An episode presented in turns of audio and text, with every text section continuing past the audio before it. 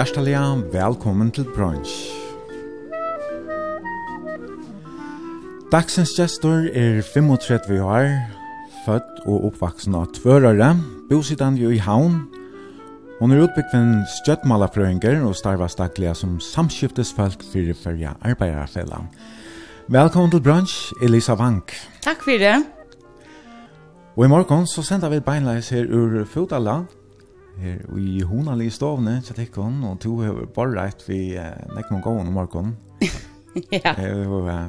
Og du sent mannen ut av kjeipa, eller hva? Ja, jeg sendte mannen om han breiverste. jeg møtte jo en tonen da jeg kom her i morgen, da kom han akkurat etter, det ser jo naturlig lekkert ut. Lekker om nøyberg om breie og vinarbreie og nekken om gåen visjer. Kardemommesnorrer. Ja. Det er det bästa. Jag har ikke det igen så jag läcker. Mhm. Mm Enka gott där snä. Ja. Och juice och kaffe av barnen någon och allt läckert. Mhm. Mm och ehm och här bor du, Eh samma vi mannen då, Högna Johansen och Trimon Böttnon. Ja. Och det är väl snär också sen. Ja. I närheten. Det kan kanske manualen har runt omkring. Ja. Det kan vara det för höjda stånd i mitten till Slavita. Nej. Det har sitt ihop där tecknafilm här och rockast runt någon gång. ja. och här är gott att bygga. Så tala. Ja, det är otroligt gott. Ehm det är centralt. Det tog ju några gånger om man stenar tön och Ja, det som jag kan göra att det är ju men visst man vill. Ja. Eh, bänt i skolan, ästerskolan och fritidsskolan är bänt runt om hjörnet här och och här fria låt och ja. Ja ordentlig godt. Altså, nå vet jeg ikke om bøttene gjør utrått og sånt, men tatt vi er sånn utrått og ikke kunnet til alle. Ja, ja, alt det anleggene her og sånt. Ja. Hva er tid kjøpte hos i Nøytjan? Ja, august i Nøytjan. Ja. Så hva er det 2,5 år? Hva er Mauden Høgne, han er i Kvalbøk. Ja. Bodde her, Arjen, eller hva så? Ja, og bo her, og så ja, og bo her siden 13. Eh och så bor Grejsnik Valvik och Arn och flyttade ner. Mhm. men jag vet inte det var bara och trivs väl och här är det så dejligt i Valvik men att var arbete i havn och familjen i havn och människor med hur nog borster vi arbetet vet så blev det ganska synd tungt tungt det hela så. Ja. Och med dem så otroligt lag höra om vet så. Ja. Ja. Ja, det är sån ruskad väver i morgon Ja, ja. Det är det vinter och kärve och sånt alltså ta och ta jag kan gå på finna på stäcka vid någon då står det. Ja. Ja. Han är uh, flammekant ja, högna? Ja. Och hur han så arbetar vill är han näck borstreisen nere och arbetar och är resten vi eller. Det har han alltid är jag vet och så det att ölen nog för man ska få nudja skajer och sånt och så man man ofta utomlands och Ja, okej. Okay. Ehm och så har jag kanske Atlantik. Laia flow för ut till Annerfälle och så ska inte med kankar vi och Okej. Okay. Eh ja, så det är Men det var ta nu arbetar han uppe ja, alltså biogasverk någon chatla. Ja. Tja Tjabakka för oss här. Det är ja. nog så nytt där, ja. Så han var, han var en av dem som var uppsagt där ta corona det om sig. Och... Ja, ja, det är nästan allt fel i. ja, nämligen. Ja. Något steg upp, ja. Så han tämmer med tävlar alltså. Så fick han mig att lägga prök nytt och det hade han varit mm. glad för. Ja, det är, han är, väldigt... det är spännande. Det tror ju ett nytt frambrott här i Färjön och Kosovo. Vi, vi en biogasverkstad. Ja, och det är faktiskt ordentligt sant och, och nu i Mhm. Mm. Ja, ja, men um, ja, jeg kan lukka med nå, vi sender altså beinleis, det blir tilleisning at uh, send noen spurning, en av helsehandlene, vi mest tjenka 2400, man kan nesten fære Facebook-søgna som er The Brunch, og skrive her. Vi får prata om mengt og kvæt i morgen, vi har jo tog innan fire åkken, og Mm. Vi sender lukka til klokkan 12. Og så får vi sjåan til eisen, jeg spiller tonelike, du har valgt sanger til uh, sendingene. Hvordan er vi uh, AHA for tonelike? Så ikke er henger en gitar og en ukulele av veksten. Spiller du? Nei, jeg vil si at her er bare til pynt, som jeg ser sindre intellektuelle ut. um, faktisk er det mer enn kjære som er gitaren, og, og bøttene er så hvordan er ukulele. Okay. Men... Uh, ta hanka bär här och samla stöv. Okej, okej. Men hur ser annars vi AHA för Tone Lights? Vad har vi att välja sent till eller? Eh, jag tänkte att alltså jag är en sån jag har onkan bestämt en smak till stil. Alltså jag mer dammar opera och rap och tvätta och klassiskt och pop och tvätt rock. Så jag tänkte att jag tänkte tar första som poppen i höd bara. Det jeg begynner å huske så vet. Ja. Så gjør de den feilen og spør jeg søstrene hver sjanker min med min at ekonomi og så kom bare og sånt, nei, jeg skal immer bare sende dette. Ja. Um, jeg elsker musikk, men altså, jeg er ikke musikalsk, det er ikke. Men jeg lust ett musikk, liksom ikke hva jeg skal gjøre, så jeg gjør rett, og køyre bil, og så der, ja. Det er inte blant Det är det. Ja. Ja, och kort äldre och och det sind nudgare och och det sind rock och och det ganska mer musical. Ja. Och här snär första som är lite klar att spela nu. Det är en uh, sanker från musicalen om The Sound of Music. Ja. Det är en, en gammal musical, man vet en kvart, en uh, trusjare gammal också. Ja, han är från, trus, är trusjare, trusjare, trusjare, trusjare. Ja. Ja. Mm. Ja. Är det något du hugg till efter uh, som barn eller vad? Mm, ja, ja, jag är ju uppvuxen tog till filmen hon. Och jag älskar han och jag älskar han än och jag hade han är Eisen ser vi nu till brillen till Eisen Det som jag helt var stort lot för, det var att man relaterar, eller kunde relatera till bötterna och det var stort lot och musik och sådär. Men Eisen är tack för att man, man uh, just äldre, som är faktiskt förhandlingarna vi och nazismen och allt det här så som man ikke fanget da man var yngre. Ja, burde være høyt etter natt, men ja. Ja, ja. Jeg minns bare alle sansene og at her at Doremi lærer at han måtte han at Nemlig, ja. Jeg synes jo på han. Ja, ja, så det er en fantastisk musical som, ja. Som du har hørt etter reisene etter som, som vaksen. Mhm. Hva er han? Kan man så kjenne Netflix eller noe sånt? Ja, han er jo gjennom middelbildet og at de, ja, streamingtjenesten. Ja, ok. Mhm. Mm Ja, og her er det nok snakk for uh, i mye sanger vi, um, men uh, Julie Andrews har alltid er han som er høvs uh, uh, sangrøttene. Ja. Yeah. Og det er altså sangren Dore Mi.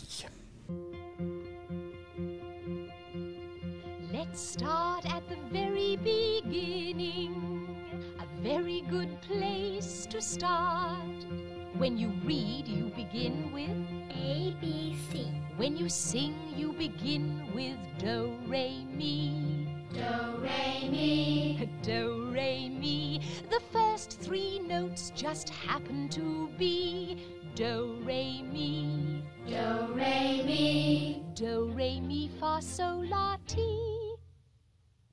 Oh, let's see if I can make it easier. Mm doe, a deer, a female deer, ray, a drop of golden sun. Me, a name I call myself, far, a long, long way to run. So, a needle pulling thread, la, a note to follow so, tea, a drink with jam and bread tide that will bring us back to dough oh oh oh. Dough a deer a female deer ray. A drop of golden sun. Me. A name i call myself. Far a long long way to run. So, a needle pulling thread. la. A note to follow. So tea. A drink with jam and bring us back.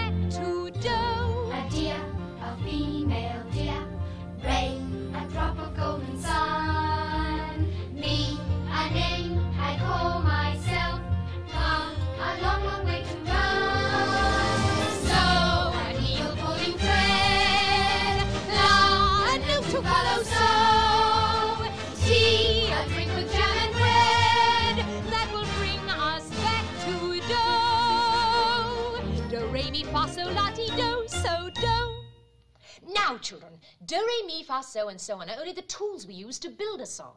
Once you have these notes in your heads, you can sing a million different tunes by mixing them up, like this.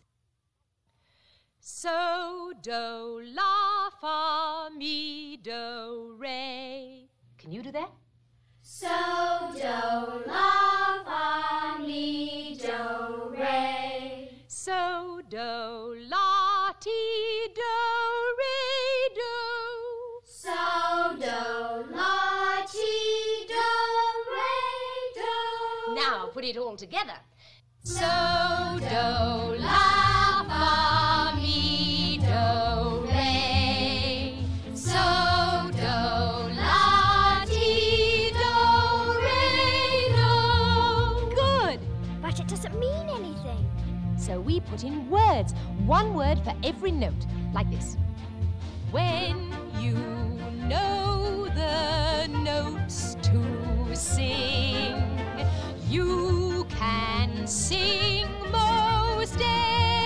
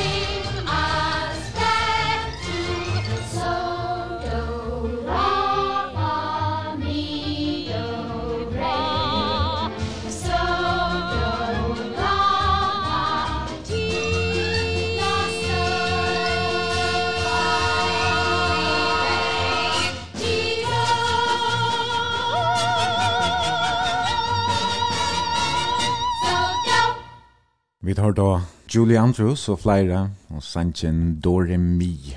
Sangen er fra musicalen Sound of Music. Du lort her til brunch. I morgen så er Elisa Bank gestor og vi sender av Fudala i havn. Her er Elisa bor sammen med mannen sin og Simon Bøtnon. Men eh, ja, det er det så bare gjørst til seneste tro i årene. Annars så du er jo tvøra dama. Og hva du var født i 1906 og fors. At tvøra det. Mhm. Hvordan var det å vekse opp? At for... Um, ordla godt. Uh, jeg er oppvoksen Semmere. Uh, og en deilig og stor hus som bante så inn av fotbollsplanene til gamle. Eh, og jeg har alltid haft øyne nok rasarum, og du vet, og pappa har seg, eisne, og seg hus bare oppe i Trønne og bant piver, så Og Och så heter det ja, och så vet såna det är där fotbollskamper så där. Alltså jag kan inte för fotboll det men men det var alltid en helt särskild stämning. går. Ja. Eh, du vet. Där kom folk ur alla ödne och full folk och och så det ropene och några boltar i färnor i rum hatta häckne och grafen bröd brodde vint och försäljlott och det är väldigt det gick inte hash för sig vet och eh och så ju tepio i isne black and white eisne nästan i i tunneln. Mm. Eh så jag sov i drömmen allt det är ju uppvuxen vi har sova sova till basson från black and white. Ja. Och Alltså jag har platt jag som är danser och allt det där Ja, det där, det där jag menar ja, musik och fotboll. Det är fjäppar för dig att det är det. Nej, jag har inte på tepjus i ett så. Nej, det är bara så. Okej.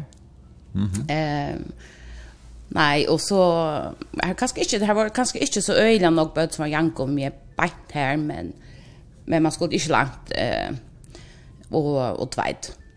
Eh, så var det ikke langt ut til Fråpa, etla. Eh, ja, nei, bare, ja, altså, bare ordentlig, ordentlig gode minner. Det er fantastisk det er, ikke så. Og uh, Mek Bøten, hei du en stor av her som baden? Ja, det har vi alltid haft. Eh, alltså inte åren skola då eller du vet att han kände man kanske inte nog och ge får öliga sent i badnagar faktiskt. Jack Barry vi playa. Eh och um, men ja, det vill jag säga. Jag har alltid haft öliga stora än mina. Ja. Och du var det yngste av fyra systrar. Ja. Så tog vi väl så knäga för källa, eller kan? Ja. Och blev kallad Duttan intill chips eller noe sånt. Okej.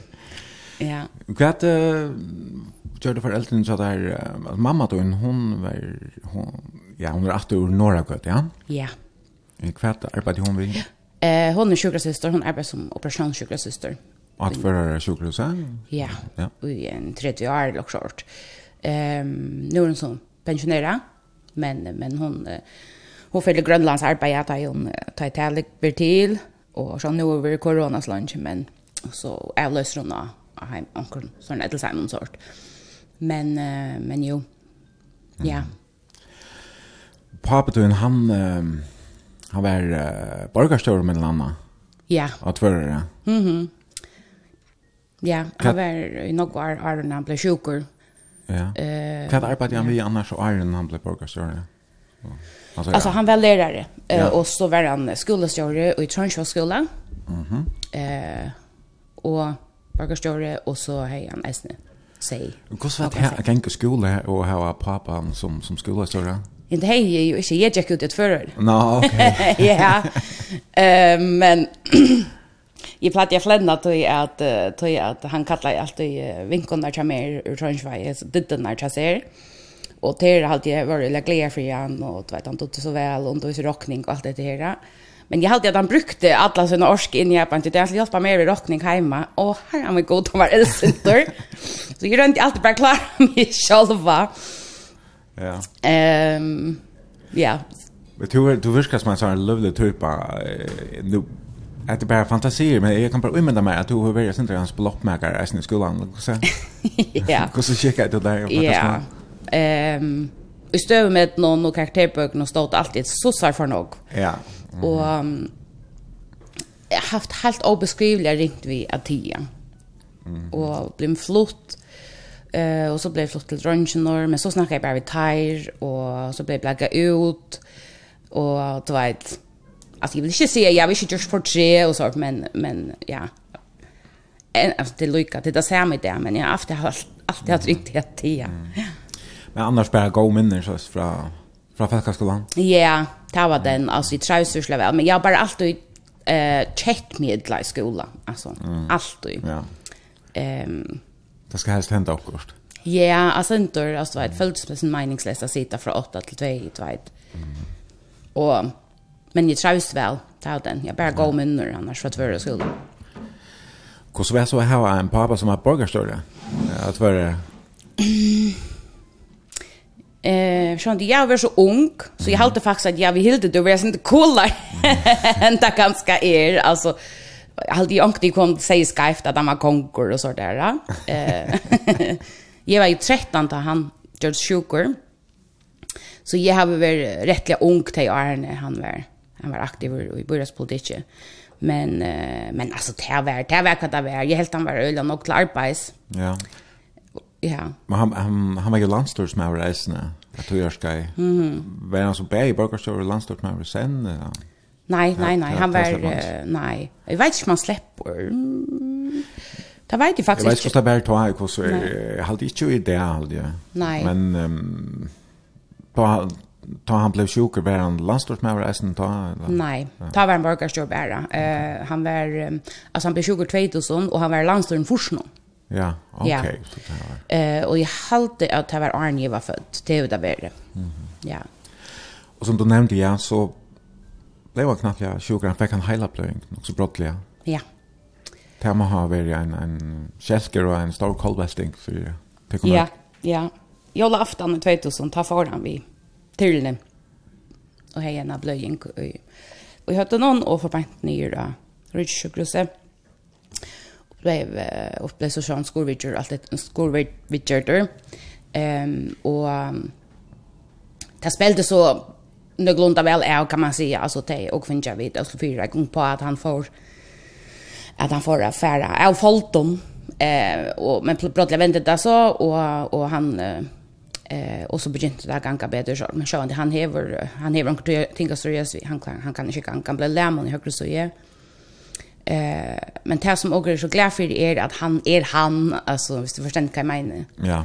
og han, han får kommunikere til for alt hos yeah, sammen. Och... Ja, ja, ja, och vet, han för allt vi och och vet, han vet hur godt är det og allt det här så där. Ehm Ja, så man kan si att det är det här är nog så viktigt. Mm -hmm. Ja. Men det så var det hänt så så bröts allt ju fullkomligt allt annet blir det inte lugga lugga mye, lugga giltigt altså, Ja. Og, og det ju vill ta som allt över snus om och i en tojarska og det var jo yeah. rättliga strutche har vi skilt. Ja. Eh ja, jag vill säga att uh, alltså att han har shotje och allt det man säger vad ska man säga akutta ta var ett ogvilja visst inte mera eh togustrui eh vi får han inna alltså att finna värande lösning till vad han ska bygga och så fram i sant så eh, alltså han var ju fullständigt immobil och eller lunch sort och och kan kunde som så inte ehm så han kunde inte komma hem. Och och tvåt det jag hade att i förrjun när man då man eller väl bjarka löven men men så var man alltså inte släppte alltså av fjalla. Eh eisen tog att han var bara hållt rush arm så han är väldigt vet för onkel berokna som äldre alltså till Ettlesheim och så då. Och och körde några så har sambo lite hela skött och kunde helt bara bli vi över sjukhus någon där var han liksom på med att få till och eh ja så. Men mamma har så stäj vi till mest att man säger hon är väldigt helt helt otrolig just nere alltså. Ja. Så till det har själva lukar som är uh, lofta ötlorna som mamma då här är svär ödliga nega, nega trygg der ned, som er lofta hon og han kom heim etter.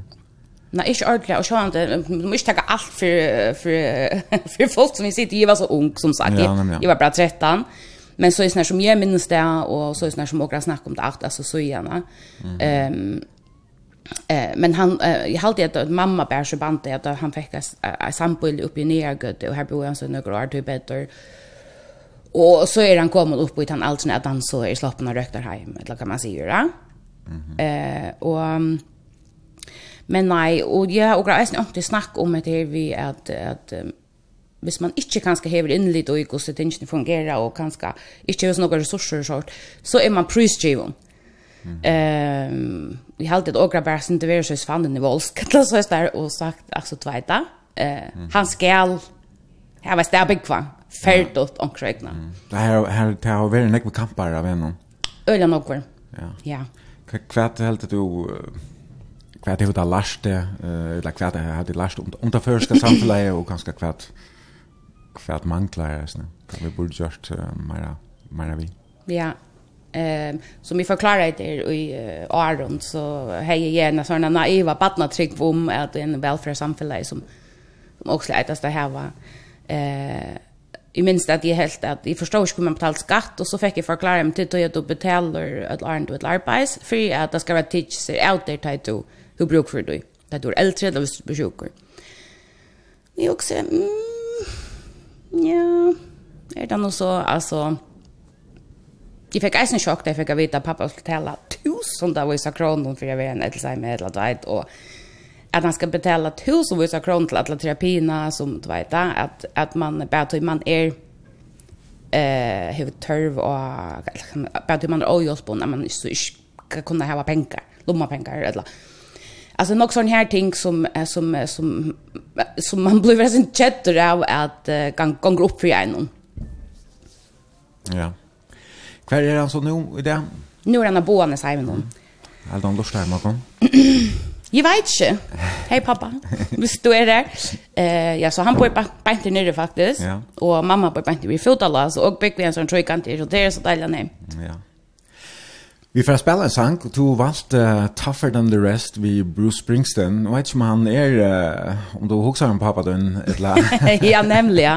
Jeg vet ikke om jeg skal nevne nå, og pappa faktisk, han har haft nok bakkast, Jøkken Løyve, altså. Eh, uh, Det först var han han var född en två månader för tolja, han 1200 gram.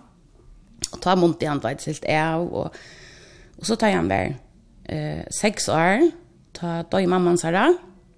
Och i sonchen så innan han hon eh och så tog jag nu mot i han själv var isen där var rush och och ja och han var 15 ta att pappan så om man. Då han kan få någon attor. Alltså då vet jag. Så jag hade han Jack Buster eller han var fan Buster i här och stannar och och Ja. Mhm. Och så hade jag man fann ganska en en stol och en stäv eller något. Jag minns inte akkurat. Men men han blev onkad från natten. Eh och jag vet pappa har ofta fortalt att i månaden så är randan igen alltså vet jag. Bara 15 år. Eller det är en lite efter honom. Ehm men ja så jag hade man kan gå se pappa är toffare den rest ja. Ja. Ja men jag hade vi slå höra han. Og hette er kanskje eisen sanger som du og lufta meg etter som ung, eller yngre. Ja. Ja, vi sender altså beinleis og til 24.00 eller Facebook-synet til brunch at du kan sende en vimmersing, en spurning eller en helsan. Her er da Bruce Springsteen. Ta for den the rest. Well, it's Saturday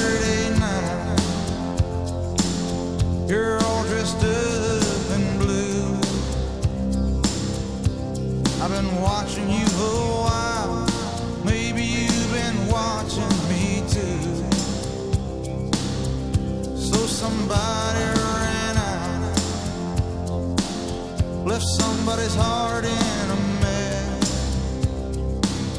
Well, if you're looking for love Honey, I'm tougher than the rest. Some girls, they want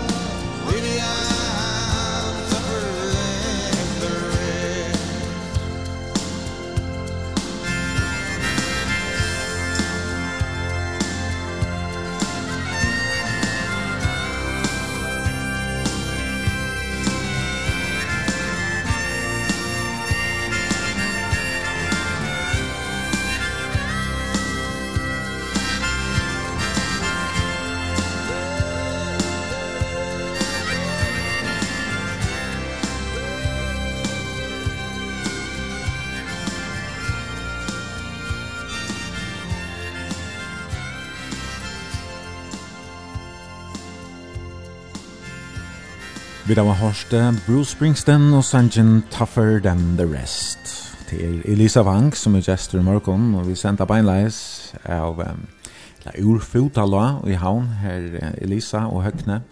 Bygva, sammen vi uh, tar Simon Bøtnon, uh, tvær siner og en av døtre av ditt. Ja. Og en av kjette, Ja. Som uh, Jack O'Mahler. Mauhans. Mauhans, ja. ja. Jeg fikk kjetta, jeg snemt. Og um, vi har pratet sin om ja, oppveksten av tvørere. Og det er så veldig å i Falkasklandla, norskast ungdomsåren noen, så um, ja, jeg, jeg, jeg, vet ikke om du gjør det oppreist, eller hva svart du som ung, vært du en sånn? Gjør du noen de oppreist mot uh, foreldrene og hva er det du? alltså nog snacka om hur så ringer till puberteten och att jag kommer teenageåren sort men jag man ser akkurat som är att jag minns jag inte till. Annan där kan man så för pirrar eller något där. Men ursäkta. Ehm upprester alltså kvart är upprester jag hade att jag hade jag väl nog så fit. Men min snyggt med tebios är jag hej finns jag officiellt live. Eh jag minns det var Mark the Limits. Og jeg vil ha sort, sort celebrity crush og Tide Lassen ta. Så her var ikke nøye. Jeg måtte snudja meg ut til bjuset. Eh, I dans. Men, men jeg stod bare og startet her igjen. jeg var faktisk ikke gang om mamma var det og sånn.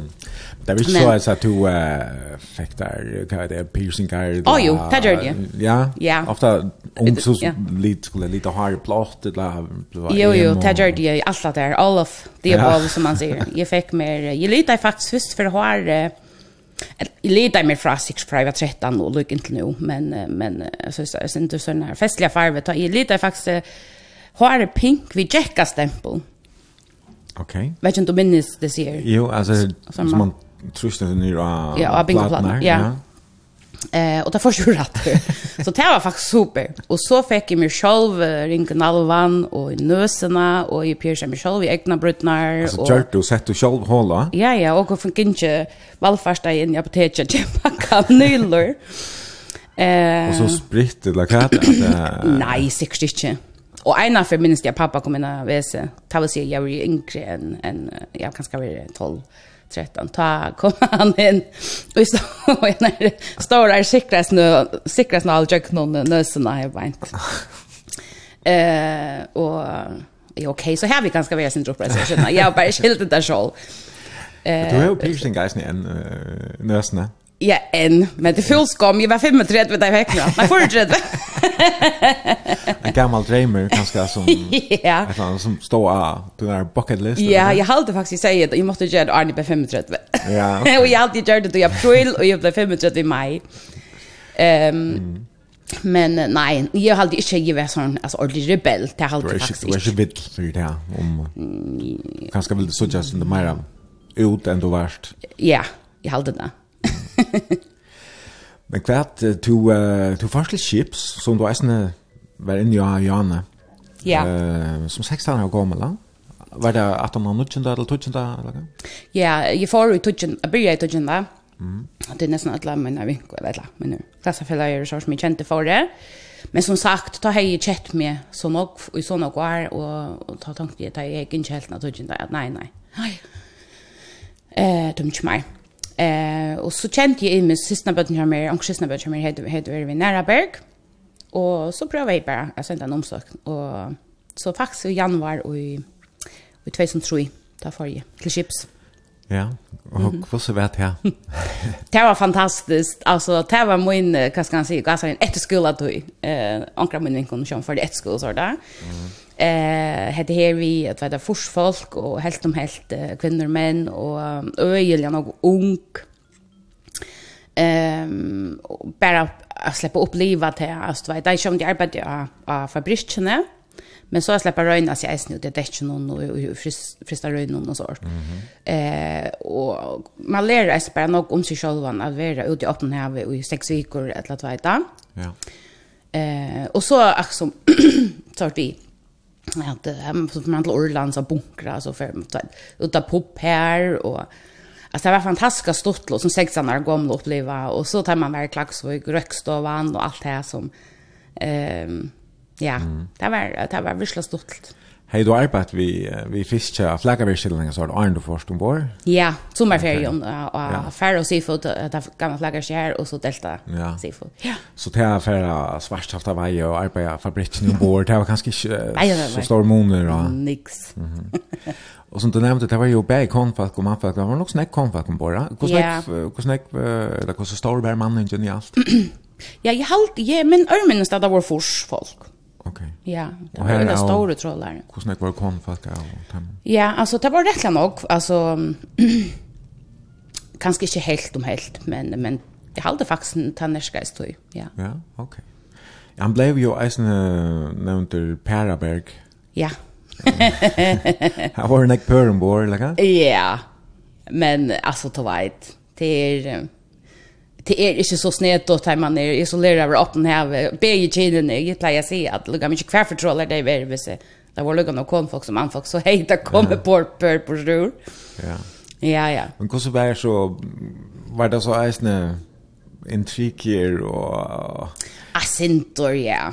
Eh ja asintor men alltså inte så just när det hade ju och man blir nästan till man går sex och sex alltså arbetar och så sova Eh och och det hur man eisen lärs nu nog är vad så det det vi vi svunne och att yeah. vet visst du vill du måste hålla hooks om du vill bära ur i vattnet eller att vet att du så missar du. Ja. Vi smickla svårt men men bara inte faktiskt turen och Arne kom ta hejda upp oss en gar etande vittelturer alltså här folk druck i vakt och låg under trallarna och svåe och då vet jag outåt och så så det blev sin strankare faktiskt akkurat den turen jag började i Sörnon. Mm. Ja men kvart vi Um, alltså det bor ju tvåmans tvåmanskamrarna så där bor bara jätter samman och och tränar samman och så. Ja. Och så hade du fortalt mig resten att Ja, det var rangers folk vi ombord, resten. Mhm, ja, jeg var ikke gående, og eh uh, ja som ordnar vaskläder och och okej okay, så man skulle bara simpelt äldre kläder och man bla vaska roi och så låta vaska för en. Ja. Det är ju sån där rena luxus. Ja ja ja. Hon är alla om från varje och så är fett. Eh men alltså det är luxus. Alltså som man grejsen snackar om det är luxus av Radley Chips. Ja. För maten så är det över purra ut ja. och det blir vaska för det och Ja ja, jag tycker alltså här sex like show men som som jag syns det osamt det patch ju an på kvar kvar sheep man det vi och hur kost det är om båda. Man är lugn på det och ett ut ut så men men Men blir man hur skulle få. Ja. Rangers folk jag vet men jag det är ju inte brått. Alltså sheep nu där. Det är så fin alltså låt vara där var Det är som att komma in i en helt annan stanna. Mm -hmm. först. Jag säger nu till ja. Akkurat. Och titta du, det var ju iron internet och, och så. så. Ja, alltså internet var nog oppfunnet, men... ja, men, det var ja. men hvis man skulle vet, kontakta heima, heim, så vet jag, satt lite telefonen ja, opp av brunnen. Mm. Långt du inte heim, eller? Nej. Nej? Nej, okay. nej. Jeg er så sosial, og her var jeg alltid omringa ordla nok om folk, og du vet, og så tog jeg film med messene, og du vet, altså, det var bare, det var husla stort lot. Var det en tur her som var bomtur her, her du ikke finner nekka, altså, dra og svart, og... Eh, ja, ja, si, ja, jeg minnes det ikke. Her du av og så er det, så sikler man rundt og leita etter, etter fisk, noen, og... Og så ble turen langere, du man ikke fiskar snog, og så der. Men, ja, ja. Men, så kommer man hem och ganska bättre till hit ett video och, så -hmm. och så förskällt. Ja. Men uh, du grätter mig fra att vi pratade samman i jar att, uh, att du faktiskt ska kunde vara blivna en, en showkvinna. Ja. Alltså du kunde färd han vägen. Ja. Um, Men får gjort du så inte? Eh, ja. Vi väntar för jag är ordentligt ofeministisk. och det tar man inte.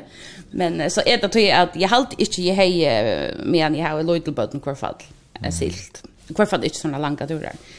Um, men men jag hade jag jag älskar Charlove och med damer öjla väl till att man är borstor och arbetar och så är man fri där man är fri. Eh, aktantanformer och eh Ja. Men så en sorgleis tillvärd att du är borster alltså jag kan släppa väck för att hon gärna det strobel like. Simpelt den och du bara arbetar koncentrerat om och så där du är hemma så hur du fri och kan koncentrera dig om det som kan för sig här. Ehm um, en alltså är det veck och och helt när har någon och sort från botten och sort det är helt inte det är inte. Nej. Orska. Vad det tanken om det kanske visst man så var nöjd då så hemma eller vad men. Det var ju så finns botten tror jag. Alltså. Nej. Nej, men jag blev ju jag jag mig alltid av student och jag blev på väg in till till till till ända till runt när så det var nog så kött. Ja. Ja. Ja, du var så ett ett år vi uh, nära Berg og förvanns du väl nästan kjent du några pengar faktiskt? Nej. No? Alltså det helt ju för det där var ung ungkarna i jag vet ju på det känner 2000. Mamma, ja, okej. Okay. Eh men det var några pengar jag betalade ju äldre om ganska hårt ordlåt och sånt där. Nej. Eh, det blev slags sån äktel så så ganska att det blev brukt. Nej. Ja. Det brukte allt beina vi mm. för färras då. Köpte gåvor till systrarna och så ja. Mm. ja. Och först så då det är väl ett och här ombord och och för jag nära berg. Ja. Vad gör du så? Så får jag till Skottlands eh Okej. Okay. Eh, au pair. Och och så tog jag snä malskola i Enskon. Mhm. Mm det var. En omveltning, efter alltså en stor brötning efter Lövnon affär til, till Skottland så helt alene här fra å være omringa vi vinon og jankom og falkon og bora næraberg og så til sånt helt alene mm -hmm. i Skottland. Mm -hmm. Ja, yeah, men altså, tveit, man flyter jo inn til en familie, jeg var øyla heldig, det var øyla fitt og vel fire, en ene mamma i fyrre bøtnen, Det var gott nok fra, fra England, men var flott til Skottland. Og, og det var eisen helt fantastisk. Eh, jeg elsker Skottland og skottar og alt som er i Skottland. Jeg gjør. Mm ja. Så du fatt vel til her, reisne? Ja, jeg halte, jeg halte jeg som bare generelt at jeg føringar skåta regular vel. Ja, men alle kan, så er, så er det sindra måne, kanskje særlig at man, hvordan man helder hus og så er det ikke akkurat det samme. Nei, altså jeg fikk sjokk, altså det var jeg hadde ikke svap inne, bare polish og air fresheners og och så tar husjörnen koka i ett vet så där teppe och så tog man bara kutsjen upp och spraya nej just så så lukte på och och så Bara tappa stås och gå upp och så vart jag glöj. Jag huxar bara att jag blev näka resistent för öll och mövel och han ska bättre. och mamma bad jag säga att att hus och koffert och kläder allt som är stinka i flera år att han är så nere färsken är färsen Och det är den här riktiga husdjuren där vi har fyra böten och kallar en touch husdjur och klar. Ja ja, alltså hundar, och hamstrar och så en råtta in jag vet någon som står och starkt efter en någon med en bara väs. Albino råtta en då. ja, så. Ja. Så men allt alltid allt har gott upplevelse eller kan. Ja ja ja. Absolut. Hur länge var du i Jag var en tjej månader. Eh, tog jag att jag fick faktiskt chans vid norrne. Eh och ta ta tanke ta vill jag sen gärna pröva. Showluva. Ta ta dra åter. Ja. Men jag vill så säga jag är Maira alltså ta var isen stolt av norrne men jag är Maira till fiskeskap. Ja, va ja. Ja. Jag kan ta Maira så kan hus Jon fru eller kan. Nej. Kan jag ta bara norrne. Eh jag arbetar ju i i matstånd och barn och sånt där. Ja. Och onkel du i housekeeping ja. Men ja. Ja, ja. Och så var det kampsteller. Ja. Og, alltså och hur får man om man är uppvuxen att fører, hvor flytter flyttar man så till kampsteller gänga och handelsskola? Ich heldur anten vera vera der sjúri. Altså her er jo eisne studentaskole i HF, va? Ja. Men altså ta hej långa sä värna kan man säga att jag tänkte man för sora att han kom onkan typ att hell. Eh så tar vi hem. Ja, det här borde nästan bli mer mer närlagt att. Ja. Men faktiskt att jag Hanna syster min finns ju arbete som undervisare i handskolan och kan ställa. Och hon säger så vem jag har förstått att vi stod bara kom här och tog för S, du vet, alltså jag kan väl lära dig att här och sånt. Ja, jo, jo, du vet, och, och mamma är ju gött och så hon ganska förstått affär, affär några så här. Mm. Um, vi tar ung for vi, och, och hon ända så vi har blivit floksere kommer. Så det var ordentlig flott, ja. Okay, ja. Og du bor jo her, Annemenga hjemme nå? Ja. Kampstelle? Ja. Her var godt løy på Jyllega? Ja, ja, det var virkelig stort lott. Eh, og her møtte jeg en av, en av beste menneskene jeg egentlig har møtt, en, en som heter Om, eh och och blev ordla gå in kunde beina vi och sort men tog värre ut som säger han anta i stund i när förslår något. Ehm så det är surt, bittersött, hvis man kan se det så i sånne her, altså minnen herfra, tog jeg at jeg er så glad for jeg møtte henne, men, men man er nesten ikke sorg forbundet vidt det, om ikke mm eh, og, og så flyttet mamma til Nordlig Gøte, jeg er i ett år, Ehm og, og i Badlandsheimet, ja. så flyttet jeg inn til henne eisne eh, en overgang. Hun får arbeide i Ronavøk, røkter henne der? Ja, ja. hun tok et år her. Mm -hmm. Eh det var finaste slä men jag hållt ju på att man ska inte in i att ta man i flöjen. Nej. Ja. Nej, det var det var super. Mm. Ehm och så började jag hon och sånt och ja. Men ett år och um, handelsskola och så bänt till igång till HF 18 år eller kan? Ja. Ja, okej. Ja, faktiskt var det ju eh att lägga för aha men men jag vill lugga se att det bästa var förskräckte mig så nog att det kom. inte chans vi kunde fortsätta här. Så vi får över vi har efter vi hinner med igen. Mhm. Så du nämnde ju Janne så fick du att du blev vid baden ta ta ju du var via vara Leo och ha Eva. Ja. Och och du mötte ju mannen någon mannen tog någon eh om hata monti eisne. Och ja, ta, ta heimann, heimann finnes internet, og det var jagna det her, ja da, Fairways chat, eller ja. hvordan var det de møttes? Ja, og møttes da nede noen opprunalige, og Arne da ble cool, og Arne Tinder, ja. alt. Um, men ja, ja, og møttes opprunalige her, og kom inn kjenne så just när, ja. Ja, nu kjenner jeg ikke vel til at jeg bor nere ta, men, men, um, men du greit meg fra at det var også med et myrk, eller også, det kan være onkel Lorstad, jeg kan skal minnes det. ja, det er jo, det er nok, jeg vil. Lenge siden. Onkel er M-I-R-C. Ja. Men jag minns inte om det, om det var bara förrit eller, ja. Mm -hmm. Hvordan gikk det for seg? Er det som i dag, kunne man legge mynter ut av seg selv og næsning, og så er det, var det bare tekster?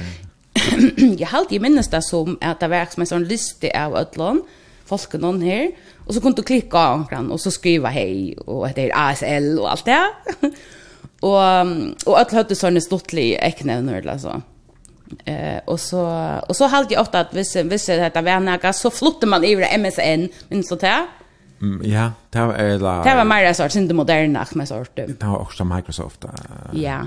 Vad Slayer Messenger. Jo. Mm. Ja. Jo. Det var det. Ja. Det var sånt högligare eller så. Ja. Ja. Vad gör du högt nu då? Om heter man det? Nej, han arbetar i då som okay. flombrankar. Ja. ja. Och bor i Kvalvik? Eh, ja. Platte så kanske att uh, kvar biltur till Kamsdal eller? Ja, ja, ja, ja. Valfarsta till Kamsdal i helgen. Mm. ja, ja. Du var så en år gamla. Ta du uh, Elias? Ja. Yes, en år. Det var så om det efter har vi en stor bröting efter i i Lövnen. Ja, ja. Snack ikke. Ja. Men uh, jeg hadde visst bare spela en sang som um, minner de om, jeg sier, ungdomsårene. I Wanna Be The Only One. Kan du fortelle sin roman? Jeg har ikke djupt å fortelle, men jeg hadde bare så glad av noen. Og han minner meg om, om mine glede teenager og Og jeg spiller han anker du igjen, så det er det eneste jeg sier. Og det er altså Eternal sammen med uh, BB Vinance som uh, framför Yes. Yes.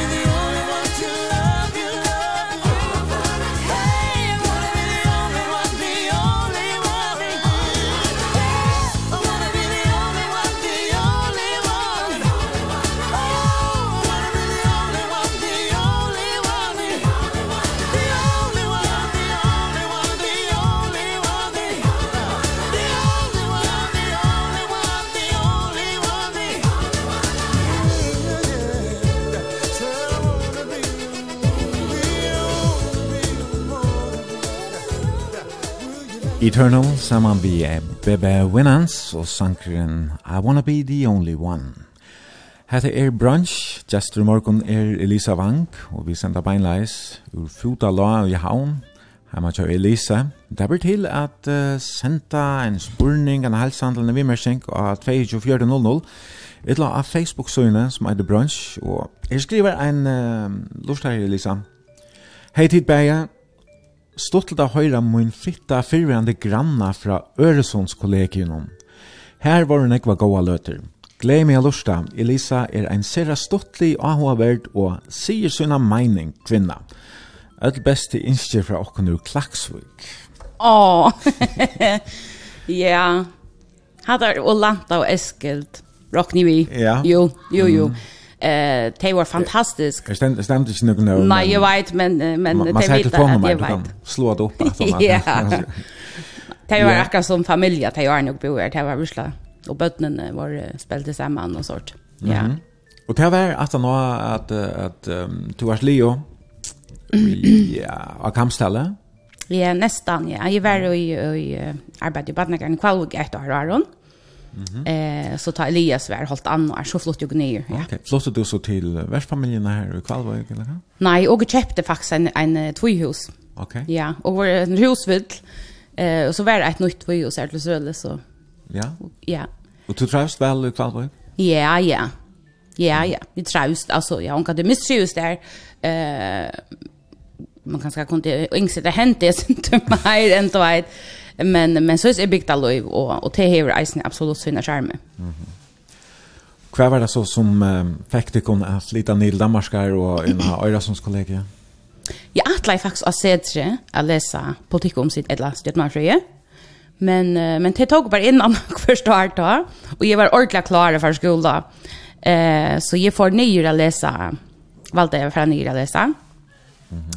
Eh och och alla mina vänner bor i Ösna Örsundskollegium och så så det var inte givet så till färre här. Kvart hej då Lucas som sätter för dig att att utbygga dina fyra. Ja, ehm Ja, alla i alltid jag var yngre, fick alltid vita att jag borde vara journalist. Ja. Eller att vet att jag egna mig väl till och och helt att här för jag tog mig ordla väl och så där. Men jag måste ändå upptäcka det och förskräckt till mig center. Eh, och med jag ska nära. Ja. Ehm Så jag tänkte att jag ville helt bara få mer en uppbyggning, en samflagsbröjlig uppbyggning och Aron. som man fick mer en sån breja samflagsliga vitan och Aron eller så. Mm. Ehm och så det var faktiskt det var tillvilt men men samflagsröj appellerar till min tid så brett. Och jag har väl ringt vi att finna Jag ringte jag finna en hill till jag tog mig så öliga nog. Mm. Ehm Hei du rønter fra ja. journalistiska heimen om ta åren? Jeg bare arbeidt som, uh, som uh, av ned, um, nedavisen til Vikeblæn om ta. Vikeblæn okay. heter Du er vel uh, uidrettet journalister, er sånn kringverpen, vet jeg sett ni etter? Ja. Ok. Og hva at, um, ja, hva så vær så at jeg kom ned og at det skiftet om hverven? Det var fantastisk, altså. Tøyen og øren som skulle jeg noen ville ikke være for jotan, ånden av og gong. Mm eh alltså några timmar som man kommer känna med en annan te klax skinkan som jag skriver in. Och eh och men ju så säga att det enaste vad ska man säga? Minus är att man kommer själv att känna danskar Jag tror att allt akkurat nätverk bo här och alla mina vänner och och de förska bindeklubbor och förska mammabolkar och sånt. Så kommer man inte ordla i kontakt med några danskar men Ja, det er så klart det. Ja, det er liksom en, en little first big der ute och amager. Mhm. Men uh, ja, kvart tid Det flott og heima til, um, hva sver, at tid er jo finnes ikke noen bøtene at fjata, når kom det? Ja, eh, Hatla blev född man säger på Fallerebet i Danmark, hon var nog nej, det passar faktiskt inte. Hon var nog man har tagit flott hem. Och ta väl ju långt hög gravid vid hennes. Mm -hmm. Det var 12 månader mitten till lite. Ja. Så så en månad är ni så hem hennes flott ju hem.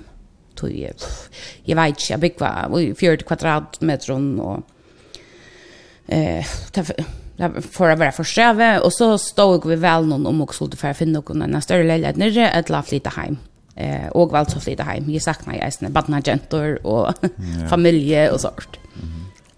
Och var det tant så första sätter jag läsa eller kan? Ja.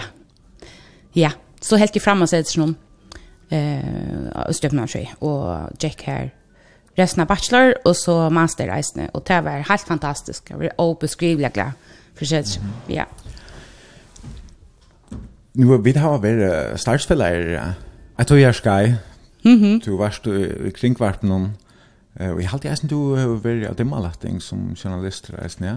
Ja, og han er da visende, reisende, ja. Okay. Men det var som, som med lestrastarv. Mm -hmm. Ja. Hva er først så, altså, da det var li og sette noen? Ja, ta for jeg, og ta fikk jeg start av Sanja Joggansdottir som skriver til henne, og jeg løgte ikke noen. Mm -hmm. eh, og så tog jeg yogalærer utbyggving, så jeg eh, underviste yoga i søgnere. Okej. Okay. Så att det alltså något helt annat. Ja, men det är ju sig.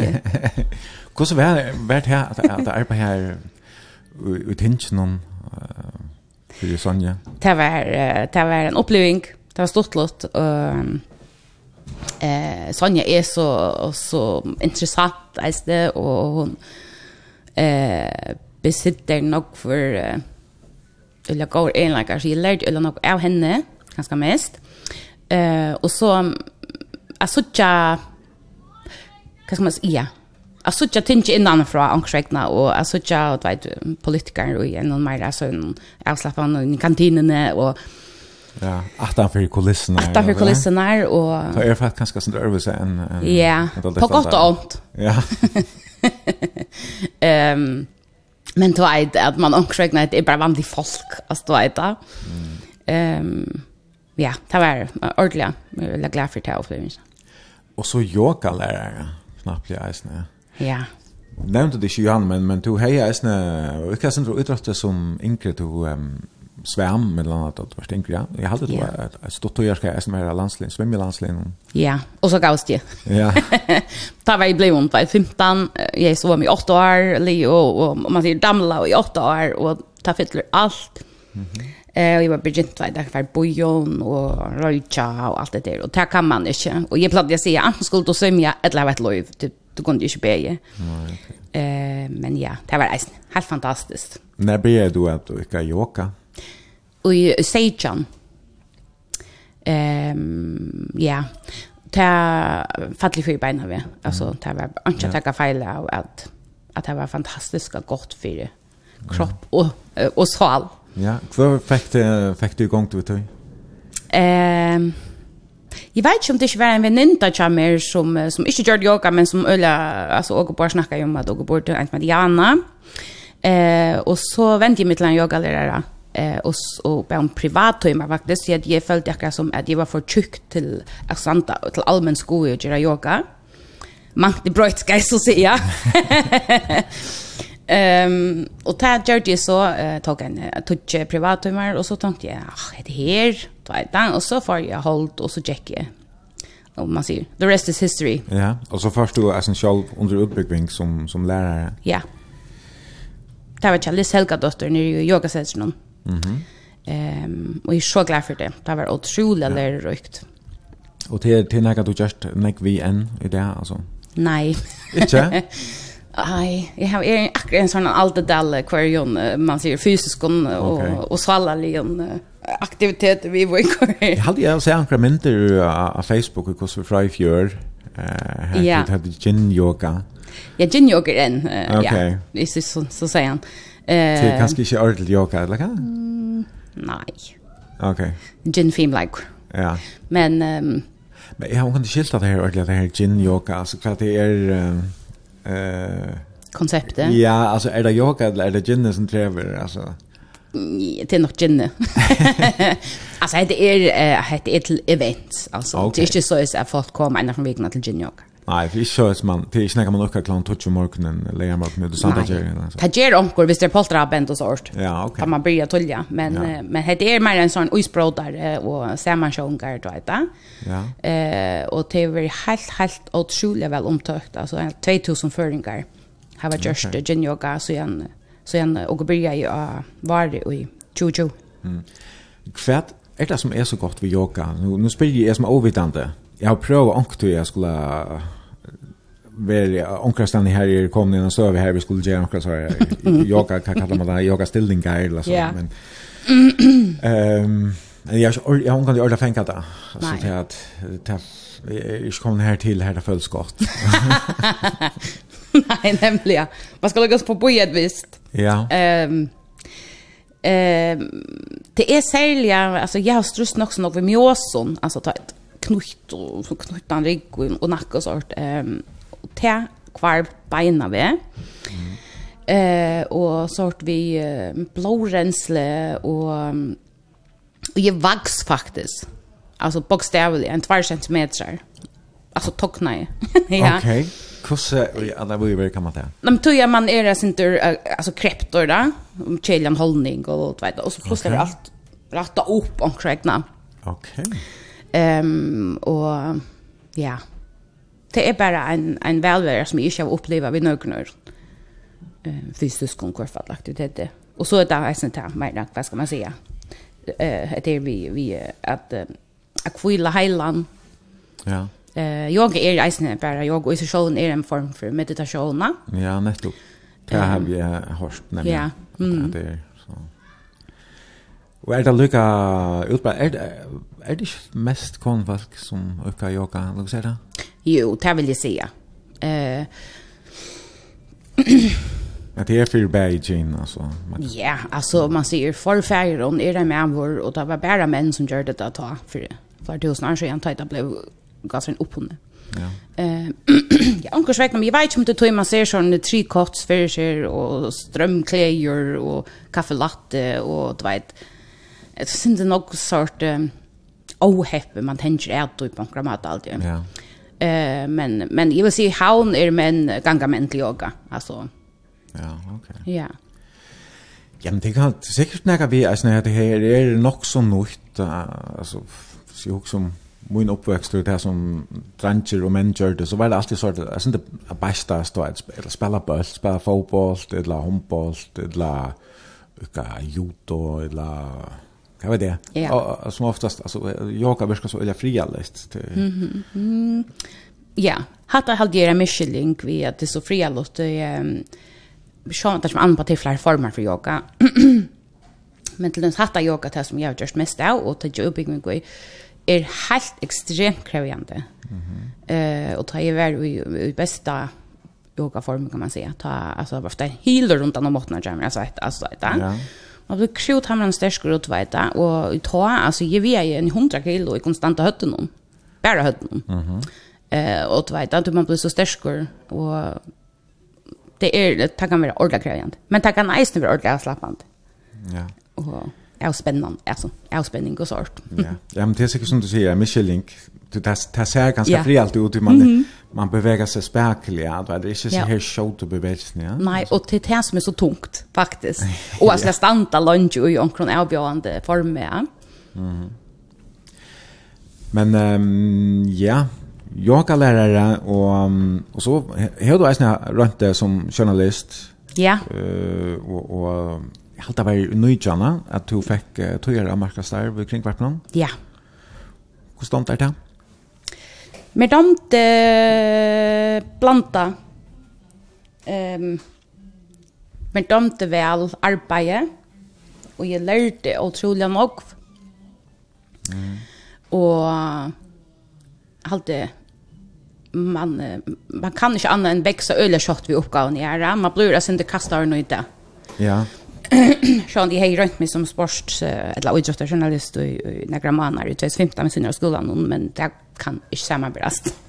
Nei. eh, vi er aktuelt eh, deltene. Men eh, lærte ordentlig nok, og, og det var ordentlig nok god ting, men, men jeg fann eisen ut av at det var ikke sånn sånn tøyen der, sånne stikker var det ikke det som jeg skulle gjøre. Nei. Nei, det var uh, det var sinter sinter harst ganska. Att det här vi att uh, skulle göra sån konfronterande journalistik. Ja. Ja, ehm Ja, ta fatt mer öliga tungt. Eh, fann i kvar att det att ända. Alltså, då, jag fick faktiskt strångt. Eh, ta mot ända någon. Och, och jag halte faktiskt att jag är så öliga ofta hej just ting som, som eh, mer mot det, säger man så. Ja. Jo, ja. ja. Eh, som smackar i mig illa, eller så sådär. Ja. Och tar man så tungt sjön och lunch till det, alltså, alltså, råk med onkur kanske vem så vitt men det gör det ju inte. Ehm och så råk med det överraskar kanske nog men är extremt konfliktsky. Ehm Ikke du, jeg har ikke man kommer konflikt, men øyla ofte at man er konfliktsky, så er konfrontasjoner eller oppi her, og det skulle at grilla folk och ja. kanske folk som man känner och följer så lite och det det är ganska här utbyggningen kommer in som journalister att jag jag haft på samma mat as nu är jag en lärare utbyggvingen ja Ehm men ta ta ta ska du nog ha särskilt særlig för jag for klara det här. Alltså Altså vi är ordentligt fokuserade på akkurat det här är mycket arbete at det är Akkurat. Man må ändligt blanda de personliga känslorna på. Nämligen. Och det halt er eller tydligt att journalisterna märker eller väl och jag alla vill inför den alltså det är helt fantastiskt mm. och det är så viktigt sälja ändå utan samfällsfärger. Eh men men här halt jag ordentligt att det kom ja det gör det tydligt att att jag manglar ju ja. uppbyggvinsterna. Du är ganska trivs bättre av mentanardelt när vi vi underhållt det långt. Helt säkert. Ja. Mm. Det jag älskar. Ja. Slapp jag och vet att att att att, att roxa och och underhålla simpelthen ja. Det här damer annars väl arbetar vid deadlines med landa och, ja. och så att Ja. Du har rätt. Att marsk för tänk någon. Ja. Eh och ta jag very starvon som inte innebär några deadlines som så så har vi inte sagt vi arbetsgivaren dig man bara geva med rena fiktiva för att jag kan få kurs från hanter alltså vet du öle snett och öle sträva faktiskt ehm um, är man bara producerar där man finner knivna stropan. ja ja Jo, men jeg hadde sikkert nek, nek känna som arbeider vi sån tillfälle jeg selv skulle framlägga att det jo, jo tattar du kommer på eh, marsch deadline, yeah. altså ju produktivare produktiv bliv du, inte du yeah. bliv mer mer pressad, eller nu, må, nu måste du altså ut out, man kan ju gänga huksa och speglera och vänta ting någon after och fram, mm -hmm. men, men det är så närskast, så yeah. må man lukka sånt la bliv mer skarper och Och så tätt bara allt på plats plötsligt, man huxar klost och man är sån här haj och... Ja, och, och sälja att han hade man så ah då är ja, kan man klarar det. Ja, frestelse av att ha. Ja. Men eh, som du säger så så så växer så strångt. Kus ehm ameriska det här så gärna ständ då. Ehm Ja. Att sjukmelda i långt tid. Ja. uh, jag blev sjukmelda och i tredje månader. Fist tre veckor så i månader och då men jag följde att det var inte jag var inte klar att färda.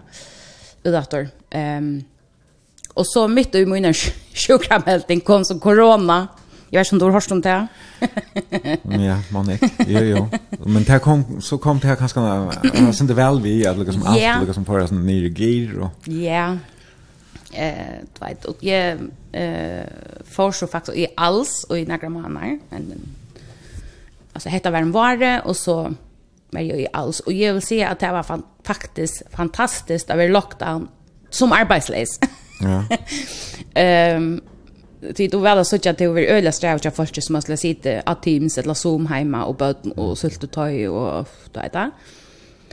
Men jag var bara jag var kanske minna sig jag var så grounda närkrant och att vet att inte skolla näka. Mhm. Eh hur man under med det här alltså.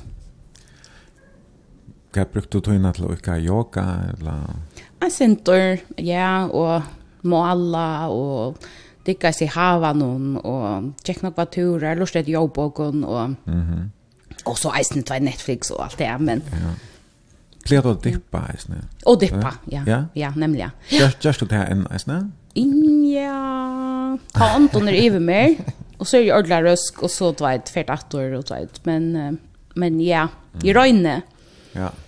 Eh og til eisen fantastiskt. Helt helt helt fantastiskt. Ja. Mhm.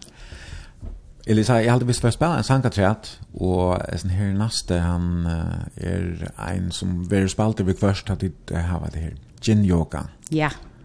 Alan Jackson og Jimmy Buffett. Ja. Buffett. Ja, Buffett. Uh, it's five o'clock somewhere. Ja. ja. Hva er det så var ja, hette er en som jeg er ferdig dame og gammel saltre. Tøy, uh, onkel du tvei så ferdig ut, det her var Gin Yoga, tull jo morgenen, og Och det innebär ju att man dricker gin och så blir det spelande när det är 5 o'clock somewhere eller vad vet för det rest av skedet center man. Ja. Men alltså du ser det gammalt alltid du 35 år gammal. Ja, ja, det var jag min. Så du är du är längt från kom här till en men uh, jag lät mig kunna höra här. Uh, Alan Jackson och Jimmy Buffett It's 5 o'clock somewhere. Mm.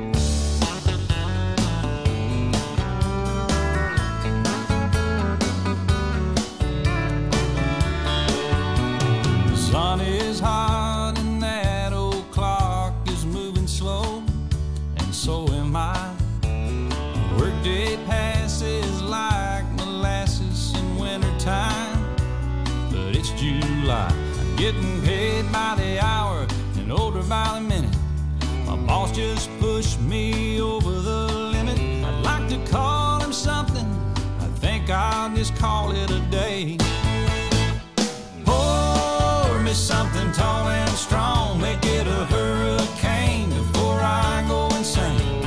It's only half past twelve, but I don't care. It's five o'clock somewhere.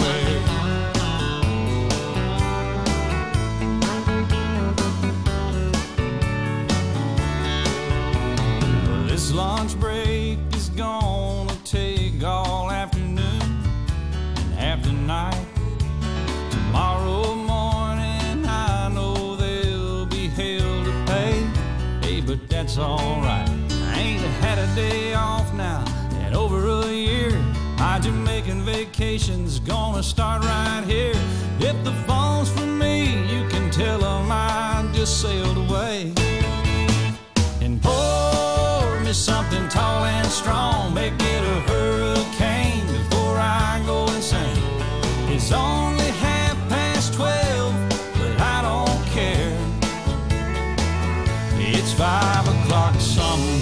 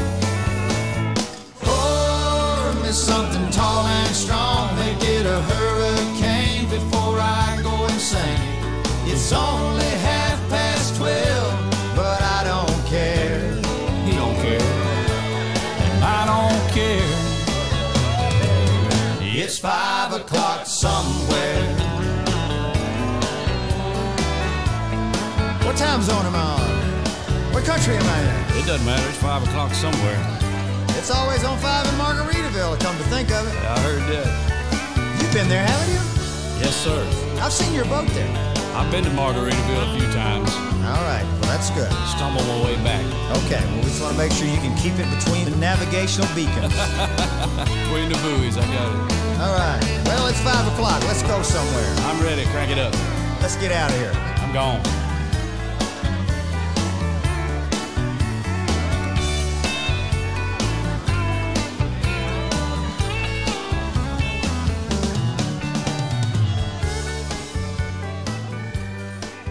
Alan Jackson og Jimmy Buffett It's 5 o'clock somewhere. Det er Elisa Wang som er gest i brunch i morgen Og vi sender beinleis ur fota lån Elisa og um, høkne medvrennere og tru bød og en kjetta byggva Og det er jo alle her her, jeg synes det råkalt, det er jo ikke gamle bødene så det kom inn her og hitja så vi kvarsta eisne og så hvert og Rågan fjörnum, det är bara, det är bara hon har läst gjøre sånn der stemning, ikke jeg Og det blir til at uh, sendt noen spurning, en helsehandel av vimerskning, og 22.4.00. Og her er det kommet her uh, greier vimerskning, og vi får vente etter til der om man har løte, Elisa. Men jeg husker at vi skulle få ta oss om arbeidet til der.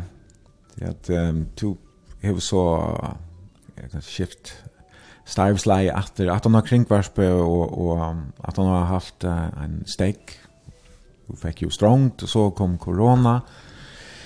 Men eh, så fikk du eh, starv efter som um, jeg kan äta samskiftes eh, folk samskiftes folk. Ja. Yeah. Jag var lugg i i en tur jag ska starva en noen av har sett någon arnt här. Eh men ja, så började jag i førre arbetsfälla i januar og i en så jeg var akkurat et år. Mhm. Mm mhm. Mm och ja, det er så efter när jag helt annat Men um, hvordan er det her arbeidet? Det er ordentlig godt. Uh, det er uh, et totalt nytt, uh, altså fagklassarbeid er totalt nytt for meg.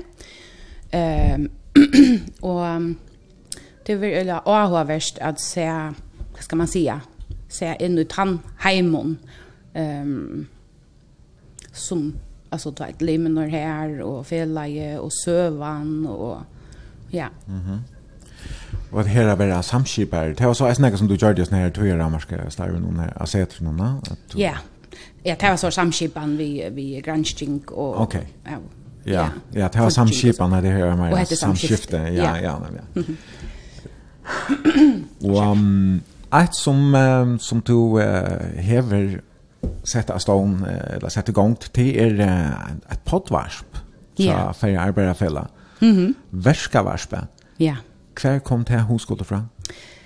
Eh, det var faktisk langt lagt ut i korset i åren jeg begynte at man skulle få hørt en podcast, eller podvarsp. Og, og det var så at uh, en måned at når jeg var begynte i Starve, så var det et podcast skai og uh, med og måltmyndene har skoene og Sante. Eh, Birgit Lassen var undervisere, så jeg tenkte jeg hette var en gylte mulighet, så jeg får å ta Sky'en här ju så fick fick hjälp till att kanske göra ett koncept och, och sånt och och och namnet helt ju väl lika högra benet. Eh sentra bokstavar rum och fått vad för värska folk alltså det vet vi och och sånt.